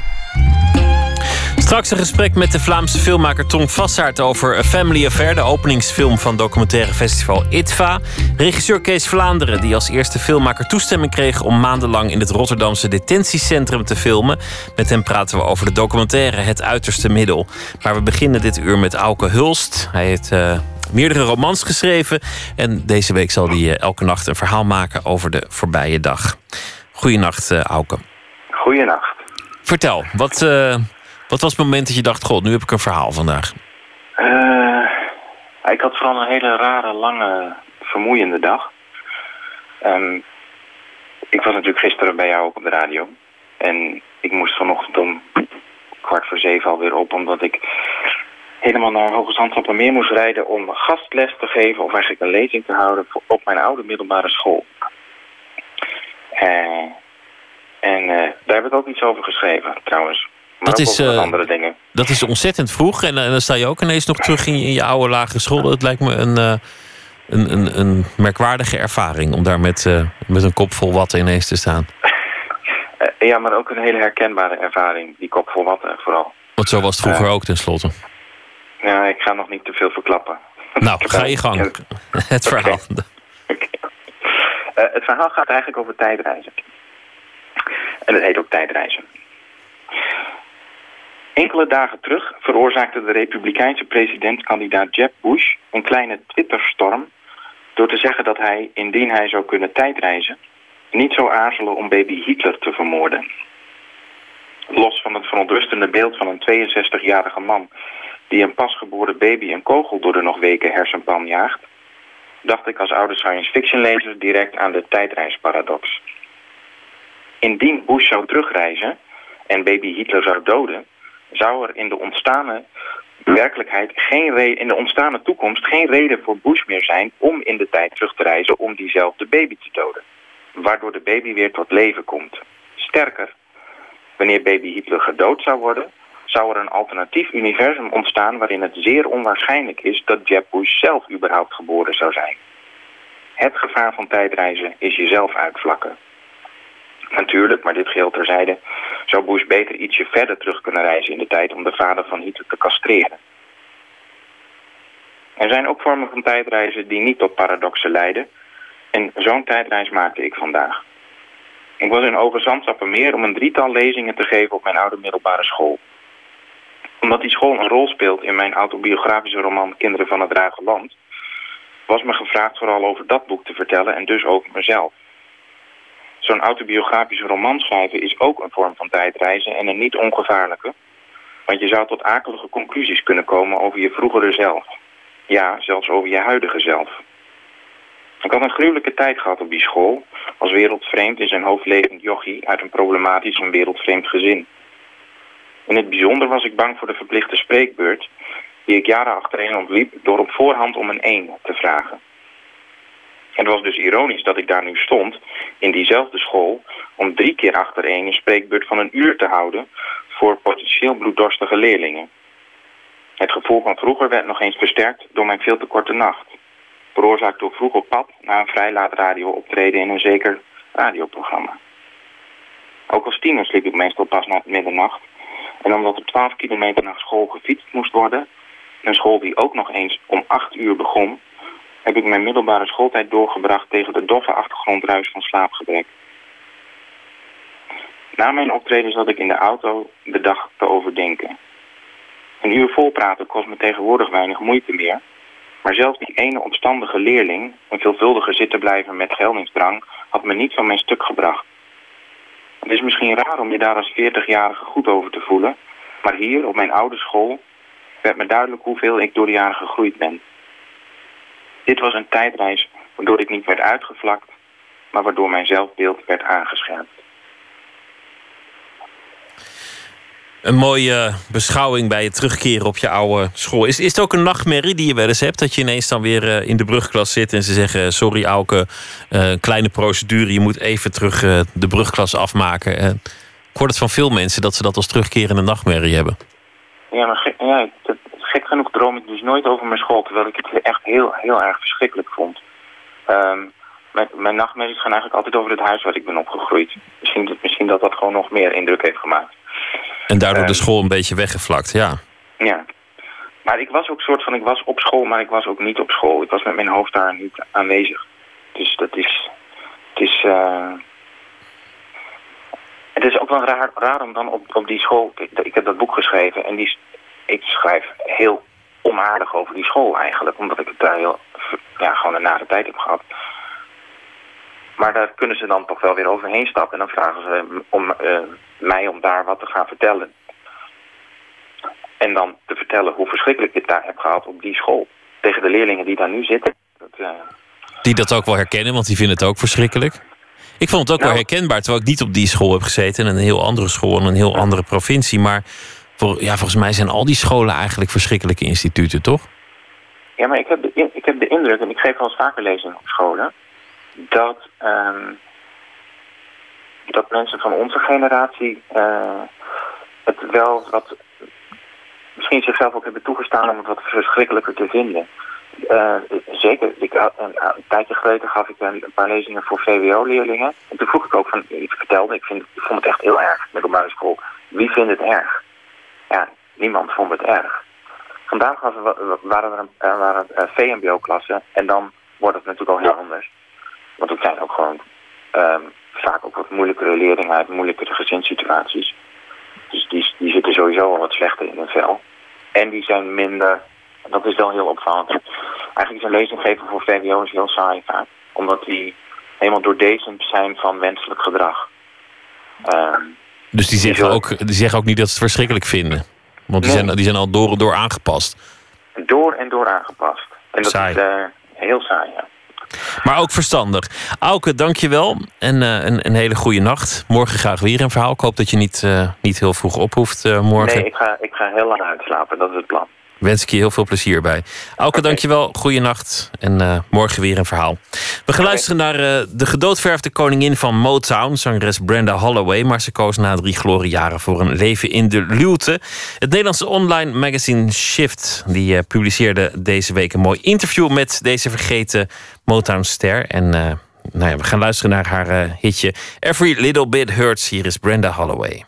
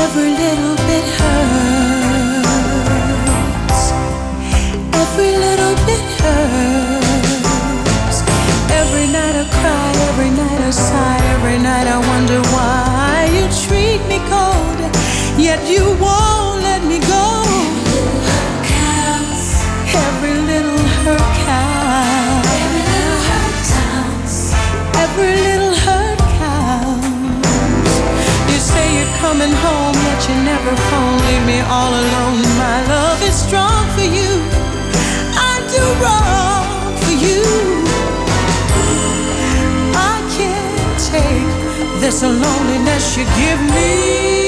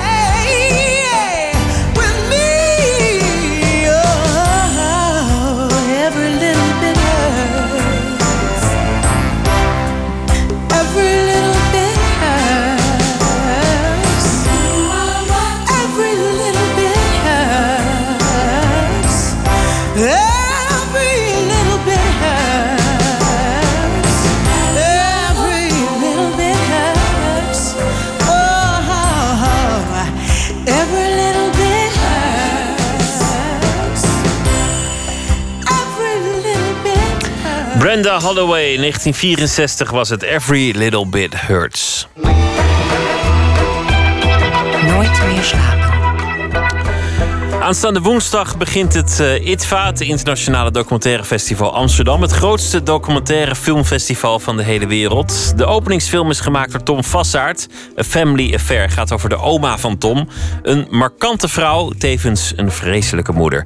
Botte Jellema die zocht Tom op. Het is een hele persoonlijke film over mijn eigen familie. Uh, waarin eigenlijk ik uh, mijn oma onderzoek. Ik probeer eigenlijk mijn mythische oma te doorgronden. Tom Versaert is geboren in 1979. Negen jaar geleden studeerde hij af aan de Filmacademie in Amsterdam. Niet lang daarna wilde zijn vader een biografie schrijven over zijn moeder. Over Toms oma. Tom besloot daarbij de camera op te pakken. Waarom zou een biografie over haar interessant zijn? Nou, vooral omdat ze dat zelf heel interessant zou vinden. Het is iemand die gewend was om, om, eh, om in de aandacht eh, om, om op een podium te, te, staan. Ze was model, mannequin. Dus ze was gewend om, om veel aandacht te krijgen van, van mannen, van pers, van fotografen. En bovendien had ze een ingewikkeld leven achter de rug. Eind jaren 30 vluchtte ze vanuit Berlijn naar Amsterdam, raakte daar zwanger en moest trouwen met een man waar ze niet van hield. Ze emigreerde naar Zuid-Afrika. Het was geen makkelijke vrouw en al helemaal geen makkelijke moeder voor Toms vader. Dat ze dan voordat ze overlijdt dat masker af, af zou doen en dat we dan misschien huilend in mekaars armen zouden kunnen vallen. En, en zij eigenlijk tragisch dat, het, dat, dat ze dit moest doen met haarzelf. Tom besloot het filmen van zijn oma echt serieus te nemen toen oma hem vroeg om samen met hem naar Nederland te reizen. Toen was ze al 95 jaar oud. Ik geloof niet dat het dat zijn zo dat die, dat die mensen van mij um, enthousiast over mij zijn. Dat denk ik niet. Tom probeert van zijn oma te horen waarom er zoveel dingen zijn verzwegen in de familie. Over pijnlijke zaken wordt niet gesproken, terwijl er enorm veel verdriet is. Maar ik vind het ook belangrijk om, om de minder uplifting dingen te bespreken. Kan ons dat werkelijk stoppen, Tom? Ja? Werkelijk. Waarom werden Toms vader en Toms oom als kleine jongetjes twee jaar lang in een kindertehuis gezet? Waarom kreeg Toms oom het zo te verduren en heeft hij nu grote psychische problemen? Waarom hoorden ze soms jarenlang niets van oma? Wat is het verhaal achter deze mysterieuze vrouw? Tom wil weten wat er aan de hand is. Nou, ik wil de waarheid. Waarheid is personeel. Waarheid is. Er bestaat geen echte waarheid. Aha, forget it tot aan haar dood is zij op een bepaalde manier een vreemde gebleven voor, voor hem.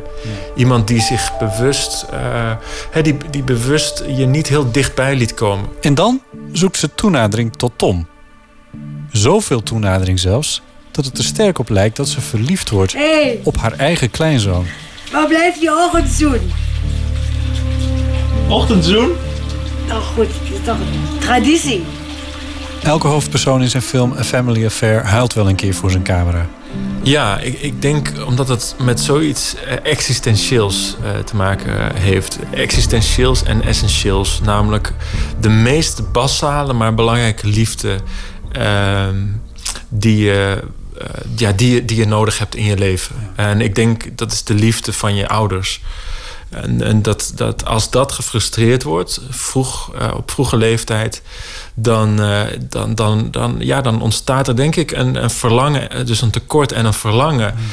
Uh, naar, om dat terug te krijgen. En, en dat, dat maakt helemaal niet uit of je kind bent, of volwassen of, of hoogbejaard. Dat zie je bij al die, die generaties. Inclusief nou ja, bij mezelf. Ik sta achter de camera, dus zie je dat niet. Maar dat drijft ook mij. Uh, en ik denk dat dat voornamelijk voor, voor mijn vader, oom ehm, en voor mijn oma heel erg geldt. En dat die, dat grote verlangen naar, naar die onvoorwaardelijke liefde, bijna een soort utopisch idee van die liefde, die, die dus gemist wordt. Uh, dat dat ehm, misschien ook wel deel is van die verliefdheid van mijn oma naar mij toe. Kijk, dat is, dit is echt psychologie van de koude grond. Maar ik denk dat ook zij ongelooflijk worstelde met, met een soort leegte. En in mij daarin een soort um, iemand zag waar ze misschien haar hele leven op gehoopt had. En misschien iets van haar vader, misschien iets van het ont, ont, ontbrekende. De, de, de, de, moeizame relatie die ze met mijn vader had. Misschien herkende ze iets in mij. Ja, er zat natuurlijk ook een andere component aan die liefde van haar. Um, maar dat was ook de reden waarom ik, um, waarom ik niet haar meteen, hè, op het moment dat het gebeurde, dat ik kon zeggen van ja, hé, hey, uh, hou nou toch eens op. Je bent gek. Uh, als je zo doorgaat, dan, dan ben ik hier weg. Ik, ik voelde daar zo'n kwetsbaarheid in bij haar. Zo'n eenzaamheid, zo'n tragiek. Uh, um, dat, ik, dat ik dacht, ja, jeetje, Mina. Wauw, eh, dit gaat nog veel dieper dan ik me had kunnen voorstellen. In Toms familie werd er volop gefilmd. Er is een grote rijkdom aan familievideo's waar Tom gebruik van maakt in zijn documentaire. Het geeft mooie tijdsbeelden, maar het heeft misschien ook een ander voordeel. De mensen die hij filmde waren ook gewend aan een camera. Tom gebruikt de camera om het verhaal los te krijgen. En ja, die camera, die, die, dat is dan toch een soort van soms een pijnlijke koevoet uh, om, om dat open te breken. En, um, en om verder te gaan dan daar waar ik als persoon zonder camera was, was gekomen. Misschien had ik het ook helemaal niet gedurfd zonder camera. Ja. Nou ja, want het gaat, uiteindelijk ben je natuurlijk wel gewoon je eigen familie aan het interviewen. Sterker nog, de, de aan het lichten. Ja, en, da, en dat is het grote ethische dilemma van zo'n film. En dat is ook eigenlijk iets waarom ik, waarom ik dit nooit heb, heb willen doen in, in eerste instantie. En, uh, en van mezelf ook nooit had verwacht dat ik het zou hebben gedaan. Mm -hmm.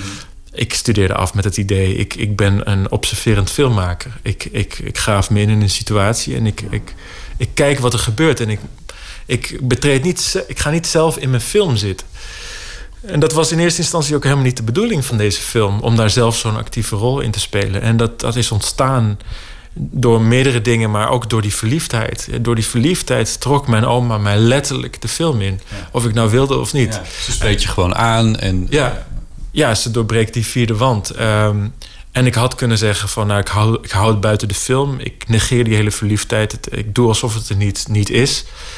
Maar, maar dan was ik uh, tegen mijn eigen principes ingegaan. Namelijk, ik wilde het waarachtige. Ik wilde bij de, de waarheid komen.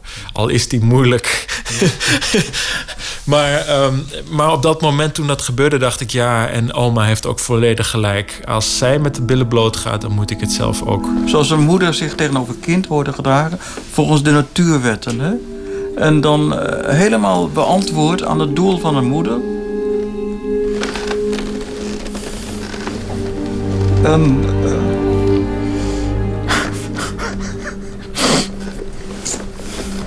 Oom René, die het psychisch zo lastig heeft na alles wat er is gebeurd. We zien Tom als zorgzame kleinzoon met de rationele vragen voor oma, die voortdurend rook en spiegels optrekt. Ze danst om de werkelijkheid heen, op één moment na. Voor Tom is de première bij ITVA niet het spannendst. Dat was de première voor zijn familie. Ja, vooral wat René betreft uh, hoopte ik ongelooflijk dat hij, dat, uh, dat hij zichzelf wel uh, herkende in hoe ik hem heb geportretteerd. En de, dus dat was ook mijn belangrijkste vraag aan hem na de, na de vertoning. En gelukkig, ja, hij, hij vond dat volledig uh, correct. En, ehm, en mijn, ja, mijn vader die vond het, die, die vond het een hele, hele mooie film. Afgelopen maart overleed oma. Wat heel belangrijk was is dat, uh, dat mijn vader het wel voor zijn gevoel heeft, heeft kunnen afsluiten. Um, dus hij is er oké mee. Um, voor onze familie is er een nieuwe fase, omdat om, ik denk dat er misschien ook wat meer uh, geaccepteerd wordt nu. Omdat ze hoe dan ook, ze, ze woonde altijd aan de andere kant van de wereld. Mm -hmm. Maar toch, ze was er. En uh, dus de, de verwachtingen bleven. Maar misschien toch ooit. Hè, en als er dan weer kwam naar, naar Nederland, één keer in de vijf of tien jaar, mm -hmm. was er toch altijd de verwachting van hey, misschien dat het nu wel iets. Uh, of als, er, als, als mijn vader naar haar toe ging, van hey, misschien dat het nu wel lukt. En ik denk dat ja, die hoop is nu natuurlijk, ja, helaas, maar misschien ook goed, van dat het is wat het is. En wat ik wel zelf super jammer vind, is dat ik had echt gedroomd van een première met oma en de hele familie bij elkaar in de zaal die naar elkaar konden kijken. En uh, wat er ook zou gebeuren, misschien dat het allemaal oude wonden openkrapt hoe dan ook, denk ik, eh, dat was, dat was mijn ideale première geweest. En ik denk dat oma het ook fantastisch had gevonden. Het podium in Tuschinski 1, dat is helemaal haar soort entourage. Dat, dat, ze was volledig in die situatie geblend. Ze had het fantastisch gevonden. En dat je een andere manier je leven opbouwt. Dat is mijn idee. En waarheden, ha, forget. Wat as well.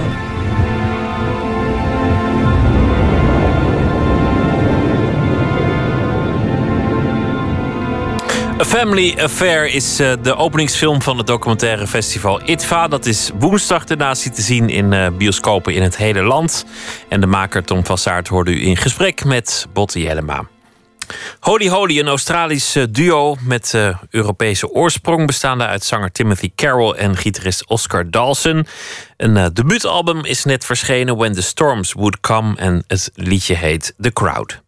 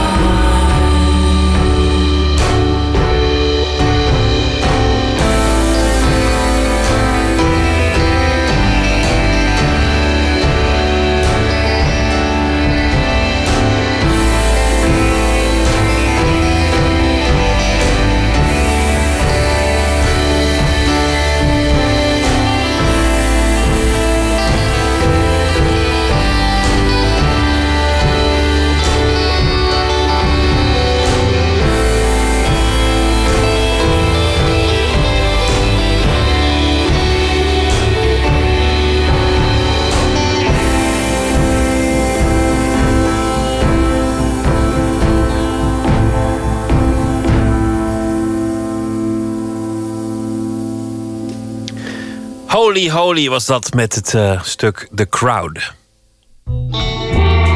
Nooit meer slapen. Een film die je kunt bekijken en die je kunt ruiken. Dat is Polyester van John Waters. Werd vanavond eenmalig vertoond in Amsterdam. En nachtcorrespondent Adinda Akkermans was erbij. Een verslag in geur en kleur. Adinda, goeienacht. Wat heb je meegemaakt? Goedenacht, Pieter. Uh, ja, het was een intense beleving, kan ik wel zeggen. Maar laat ik eerst even vertellen wat die originele film van John Waters was. Dat deed hij namelijk uh, in 1981. Vertoonde hij die film met een systeem dat hij Odorama noemde. Als bezoeker kreeg je een soort kraskaart. En bij verschillende de scènes in de film kwam er dan een nummertje. En dat nummertje hoorde dan bij een vlakje op je kraskaart. En als je daar uh, aan kraste, dan kwam er een geur vrij. Bijvoorbeeld van benzine als je een auto uh, zag in de film. Vanavond ging het iets anders. Vrouwen in witte jassen stonden met allemaal potten en pannen achter een grote ventilator. En zonder dat je er iets voor hoefde te doen, uh, kwamen de geuren op je af. En wat rook je dit keer zoal? Ja, er was een hoop te ruiken. Uh, er was de geur van rozen bijvoorbeeld. Maar uh, de meeste geuren die waren uh, behoorlijk vies. En je zag dan bijvoorbeeld een, een vrouw door het beeld snuffen. Want ze had heel goed reukvermogen.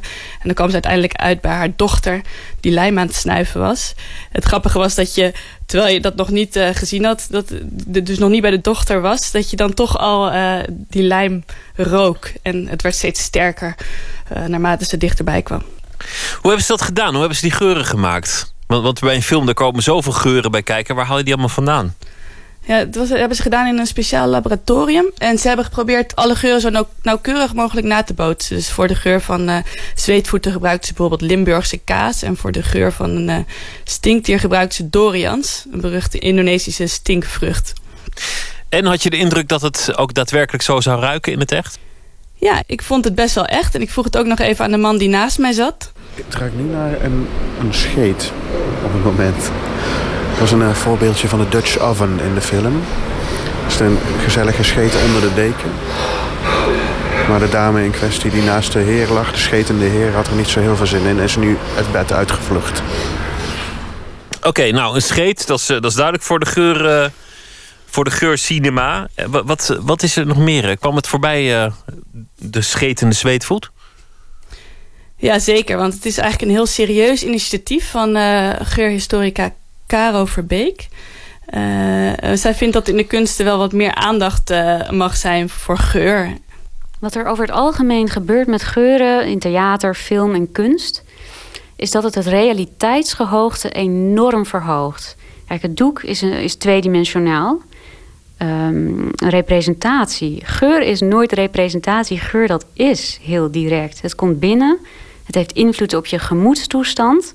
Daar kun je niet met gedachtes verandering in aanbrengen. Zoals met het kijken wel mogelijk is, het contempleren. Die geuren komen binnen en, en ze zetten een sfeer en een emotie neer. Heel direct. Dus het is net alsof je in die film terechtkomt. Alsof die helemaal om je heen is. In plaats van daar een paar meter voor je op het witte doek. Ja, en geur schijnt trouwens ook heel uh, cultureel bepaald te zijn. Uh, mensen in China vinden rotte eieren bijvoorbeeld lekker ruiken, zei ze. En uh, nou ja, bij ons staat dat natuurlijk als vies bekend. De meeste stank is aangeleerd. Um, er zijn maar een paar geuren waar we een aangeboren afkeer voor hebben. Dat zijn bepaalde schimmels en ook wel zwavel-waterstofverbindingen. Maar het is net, kijk, geur en, en het geheugen zijn sterk aan elkaar verbonden. Dus als jij een keer een geur hebt geroken en je associeert dat met ziekte of met viezigheid of met iets anders negatiefs, dan zul je de volgende keer wanneer je die geur weer ruikt aan die situatie denken. Dus geur is geheugen, geur is, en geur is context en emotie. Stel dat het ooit wat wordt hè, met de geurcinema. Is, is John Waters dan de grote pionier met polyester? Was hij de eerste? Nou, op het gebied van film is hij wel echt de eerste. Maar Verbeek zegt ook steeds dat het eigenlijk ook wel uh, ook niet echt niets nieuws onder de zon is. Ik heb zo net ook een uh, korte inleiding gegeven over de geschiedenis van het verspreiden van geuren. Want dat komt al duizenden jaren voor. In het uh, theater verspreiden de Grieken per god een bepaalde geur, zodat je die soms al eerder rook dan zag. De Romeinen verspreiden geuren in het Colosseum. Begin 20e eeuw is er een theaterstuk in New York geweest. Waarbij er geuren werden verspreid. Eigenlijk is het nooit weg geweest. Alleen omdat er zo weinig over geschreven is, lijkt het alsof dit heel nieuw is. Dat is dus absoluut niet zo.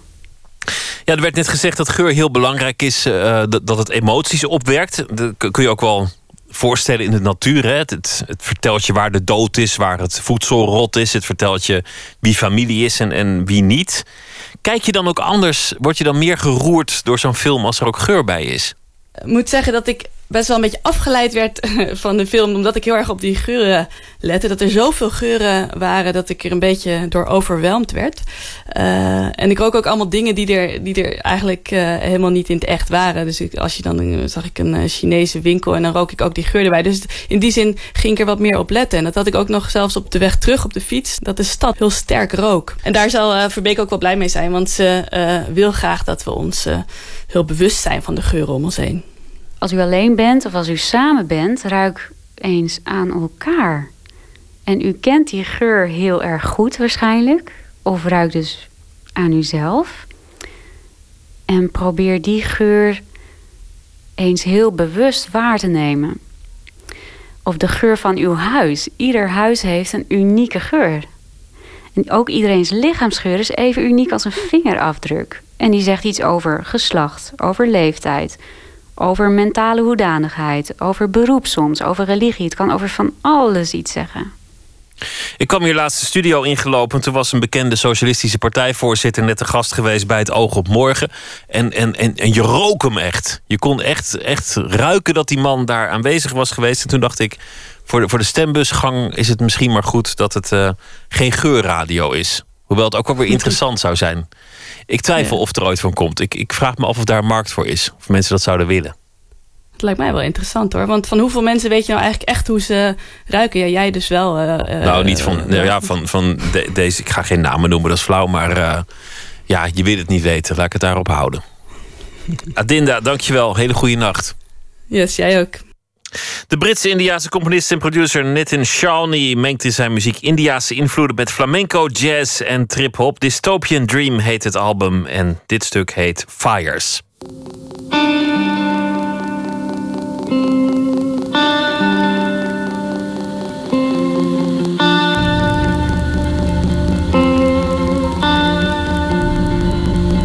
Fires in the.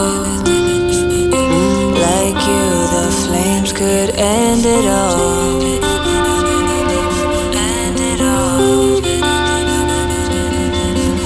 Fires in the fall. Like you, the flames could end it all.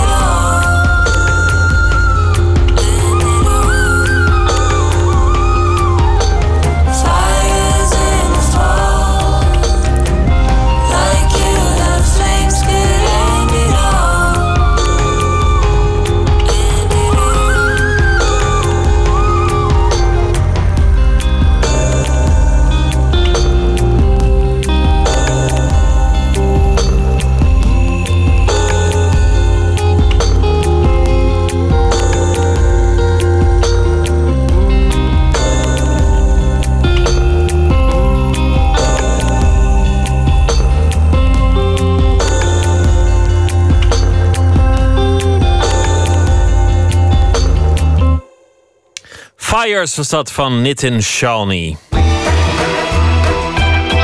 Nooit meer slapen. Een uitgeprocedeerde asielzoeker wordt geacht te vertrekken. Meestal doen mensen dat dan niet en verdwijnen ze in de illegaliteit. Om vreemdelingen toch uit te zetten, kan als uiterste middel de uitgeprocedeerde worden opgesloten. Documentairemaker Kees Vlaanderen maakte al vier keer een film over de asielproblematiek. Het uiterste middel is dan de vijfde. Hij mocht, eh, bij wijze van hoge uitzondering, filmen in het detentiecentrum Rotterdam. En Nicolaou in gesprek met de filmmaker. Die gangen die zijn, dat zie je ook in de film, die zijn met pastelkleurige geschilderd. Het zijn wandschilderingen. Je weet eigenlijk niet wat je meemaakt als je daar doorheen loopt. Het is een soort. Het verloopt ook van, van, van pastelgroen, alsof je door de lente heen gaat en dan de zon tegemoet, snap je wel? En aan de linkerkant zijn grote ramen, dus nergens eh, eh, tralies. Het is alles om een vriendelijke sfeer te creëren. En ja, het is duidelijk dat het een gevangenis is, maar er is echt nagedacht over de bijzondere positie die vreemdelingen die daar vastzitten. En die daar dus niet vastzitten omdat ze een crimineel vergrijp hebben begaan, maar puur omdat ze het land uit moeten en geen papieren hebben. Om bij medewerkers ook het bewustzijn te stimuleren dat deze mensen voor de time being zo vriendelijk mogelijk of zo humaan mogelijk bejegend moet worden. Goedemorgen, Kamara. Ja, goedemorgen. Goedemorgen. De bewaarders, die hadden ook geen bewakers meer, maar bewaarders of toezichthouders. Dus er is echt een, cultuur, een, een cultuuromslag geweest. Het viel documentairemaker Kees Vlaanderen eigenlijk wel mee in detentiecentrum Rotterdam. Ja, het viel me mee, ja. ja. Dus het is een ander beeld dan wat, je- wat, wat je hebt als, je, als de beelden van, van de boten hier nog op je, op je netvlies staan. Hoe lang zitten mensen per dag eh, opgesloten in die cel? Eh 18 uur. Ja, dus dat is de tegenkant meteen. Oké, zolang er leven is op de afdeling, dan ziet het er vriendelijk uit. Daarna gaan mensen, maar mensen zitten wel heel lang vast. Dus om, s ochtends om kwart over acht gaan de deuren open. Dan zitten ze tussen de middag een uur vast, want dan moet, moeten de mensen, het personeel moet dan eten. En om kwart voor vijf gaan de deuren weer dicht. Kees Vlaanderen kreeg drie jaar geleden toestemming om te filmen in detentiecentrum Rotterdam. Dat was tot die tijd ondenkbaar. Vlaanderen was een hoge ambtenaar tegengekomen op een filmfestival en wist hem te overtuigen. Waarom justitie nu opeens wel toestemming gaf, Wat er meespeelde was dat er eh, eh, ondertussen eh, twee splinternieuwe eh, centra waren gebouwd. Dus het waren niet meer die ellendige boten. Dus ze hadden iets om, om, trots iets om- op te... ja, ze hadden iets om te laten zien. En ze waren ondertussen aan het denken over het invoeren van... wat zij dan noemen nieuwe vrijheden. Dus dat er een iets lichter regime zou komen. En ik denk, maar dat zie je bij de overheid volgens mij breder... eh, dat er ook het besef kwam... ja, we kunnen wel constant de deuren blijven sluiten... maar ook dat voedt allerlei wilde fantasieën over wat er binnen gaande is. What do you want to do? Do you want to go back to Ghana? Or? Because it's up to you. I'm not from Ghana, so I, I don't know if where I want to go. I'm from Africa, but I Yeah. don't know where I came from. Mhm. But when the embassy, yeah, tell us that you are from Ghana and they give you a travel document. What then? Vlaanderen zoomde in zijn eerdere werk vaak in op de vluchteling zelf. In zijn nieuwe films neemt hij. In zijn laatste twee films neemt hij een ander perspectief in. En zoomt hij veel meer in op de medewerkers van de IND en de dienst terugkeer en vertrek. Omdat ik dacht, eigenlijk ben ik of zijn wij eh, staan dichter bij de mensen die er werken dan bij de vreemdelingen. Dat hoeft niet qua, met mijn hart zo te zijn, maar de mensen die er werken, die voeren toch uit wat eh, wij met z'n allen hebben afgesproken. Je bedoelt met wij, wij welvarende. Nou, eigenlijk gewoon wij, wij het Nederlands volk, eh, vertegenwoordigd eh, door onze politieke leiders eh, en de regering. Daar ja, wij die dit systeem eigenlijk gemaakt hebben. Ja, ja, ja. Dus je zou kunnen zeggen, de mensen die het uitvoeren... en daar kan je, ben ik ook hoor, heel kritisch over zijn... maar in wezen voeren ze uit wat wij met z'n allen in Nederland hebben besloten. Je hoeft, je hoeft niks te vertellen over het systeem, vriend. Want het systeem, we weten precies hoe het systeem werkt namelijk. En En, en jij niet. Want jij loopt nog steeds hier. Dus. Ik jij weet niet. hoe het systeem werkt. Nee, het systeem is goed. Ik zeg tegen de Het is een prachtig systeem, Ik toch? zeg, het systeem is goed. Mensen krijgen goede handen. Heel goed. Ik sprak bij zo'n zo'n meneer van de dienst terugkeer en vertrek. En die zei, eh, it's a dirty job, but someone's got to do it. Zo gauw je zegt van ja, we kunnen echt niet iedereen toelaten... dan is de onvermijdelijke consequentie dat je ook tegen mensen die hier naartoe zijn gekomen moet zeggen... je mag niet binnenkomen, je moet weer terug. Maar we leven in Australië. Ja.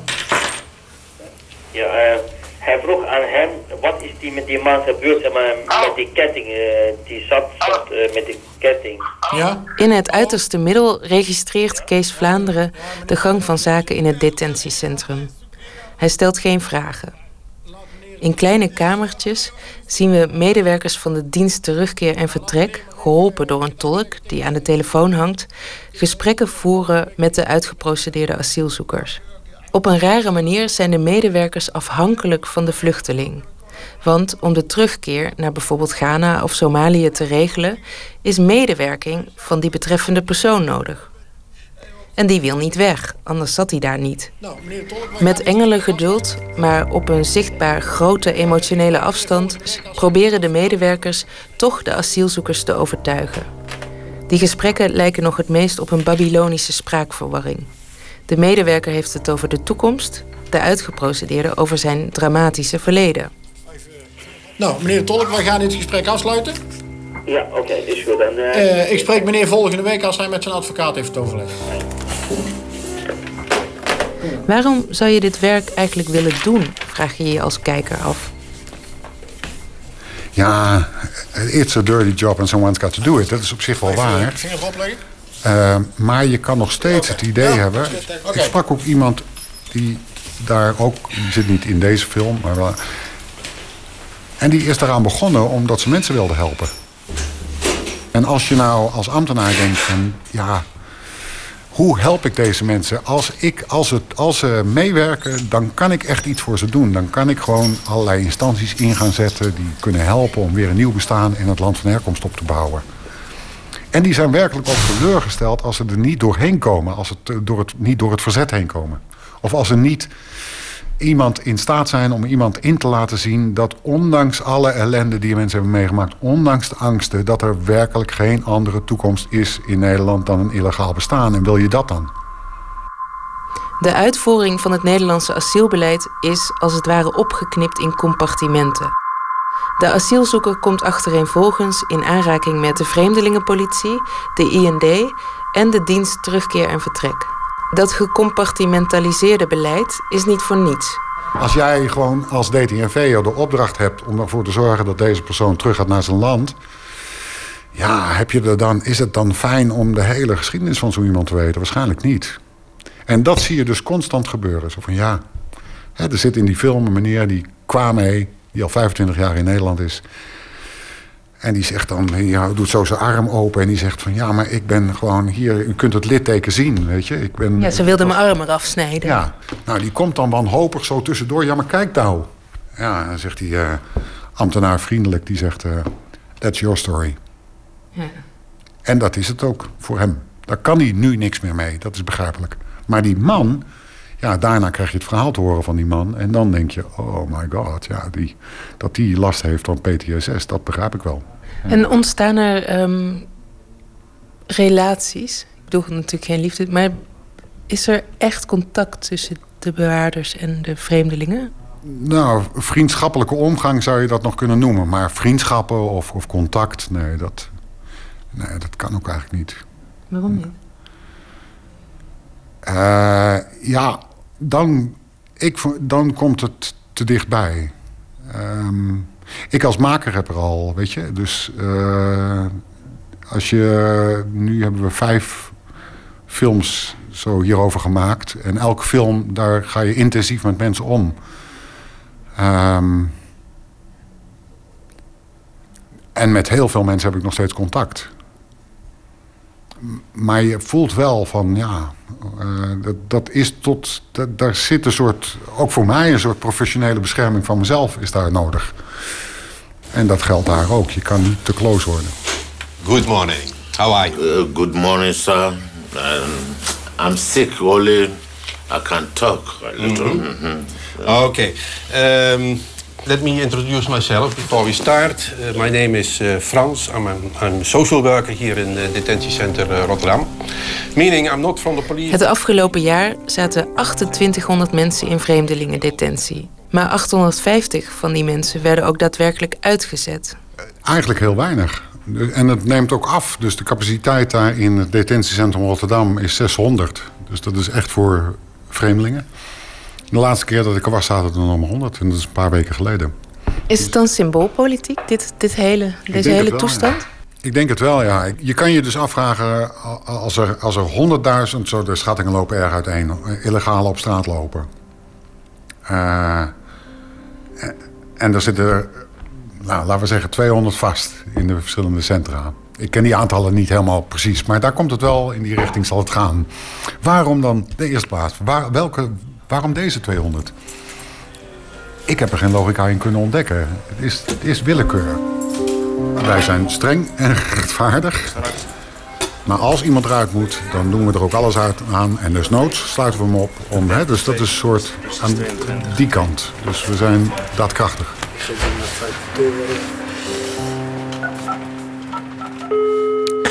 Emmy Colau in gesprek met documentairemaker Kees Vlaanderen. De film Het Uiterste Middel is volgende week dinsdag te zien op televisie... om 23 uur in het programma 2 Doc. Morgenavond een voorpremière in Amsterdam in De Nieuwe Liefde... met een eh, debat er ook aan gekoppeld met hoofdpersonen uit de film. We gaan luisteren naar eh, de Belgische band Deus met het nummer Sister Do.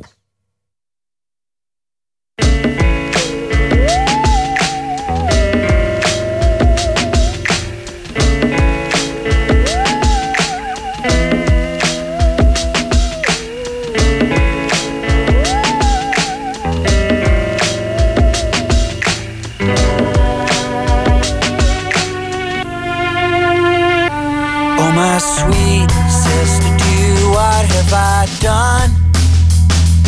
All my life I've only loved the one. I was taught to be tolerant and pain. I was taught a million things I can't explain. It must have been the hatred in her eye. It must have been power to her lie. Tell me, sister, there's a place where I can hide. Oh, my sweet, this is how it did unfold. No, my body never felt so calm and cold. All around us there were people the park. No, my senses never felt so clear and stark. And I know that she saw it in my way. And I'm sure that she heard it in my voice. Tell me, sister, please, how did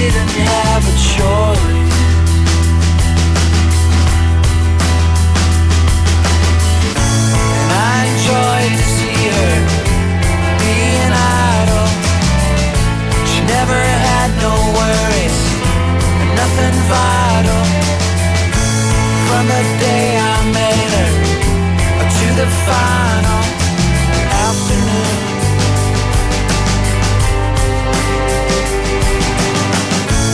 There was something there, I, I can't describe it. We were kicking.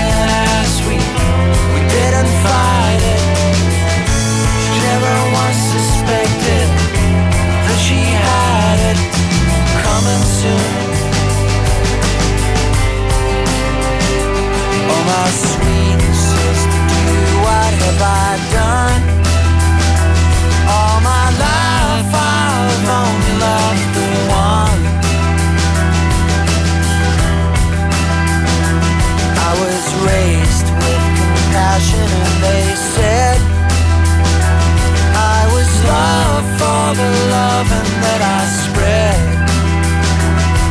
Now the only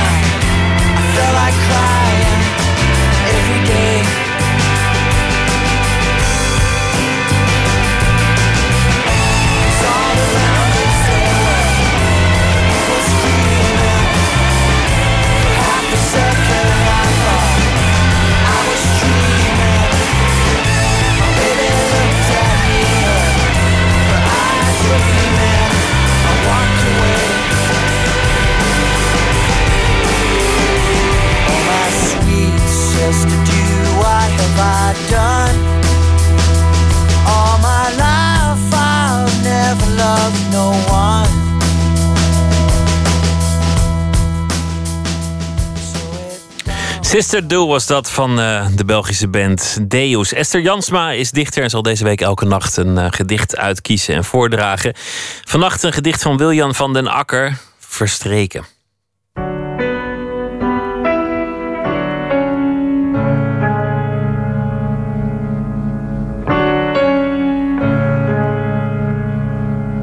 Het gedicht Verstreken komt uit de bundel Hersenpap, een zeer onpoëtische titel, van William van den Akker, met wie ik ook nog eens een keer getrouwd ben. En het gedicht Verstreken, daarin ziet iemand zijn geliefde al veranderend naar hem toe komen. Eigenlijk zegt dat gedicht dat alles voortdurend verandert. Alles voorbij gaat, maar dat daarin ook een essentie schuilt en dat je daarin ook blijft. Verstreken. Alles is hier op dit moment altijd voortdurend in een razende staat van verandering, bezig een verstreken gedaante aan te nemen. Je kunt het zo bestendig niet denken of het is er geweest en blijft als verdwenen aanwezig. Avond aan avond komt een nieuwe geliefde, trouw aan het beeld waarmee je elkaar ochtends aan tafel hebt achtergelaten, weer thuis. Kijk, ze verschijnt aan het eind van de straat, zwaait als vanouds met een kersverse hand, herinner de warmte vooruit en kust je van ver al tot ziens op een andere mond bij het opstaan. Zo verwaaien we samen, duurzaam als klanken, blijven verdwijnen als muziek in de oren. En wachten net zo lang op het slot tot we volledig afwezig zijn, om dan pas volmaakt in het niets uit één stuk te kunnen bestaan. Esther Jansma las een eh, gedicht van Wiljan van den Akker Verstreken. En onder de naam Julian Winter publiceerden de twee samen deze week hun gezamenlijke roman De Messias. Morgen Esther Naomi Parkini in gesprek met eh, Hans Goedkoop, presentator, biograaf en schrijver. Ze gaan het onder meer hebben over een reconstructie van de verjaardag van Renate Rubenstein toen ze 50 werd. Een hele goede nacht, morgen een leuke dag en eh, ik hoop dat u morgen weer luistert. Goeienacht.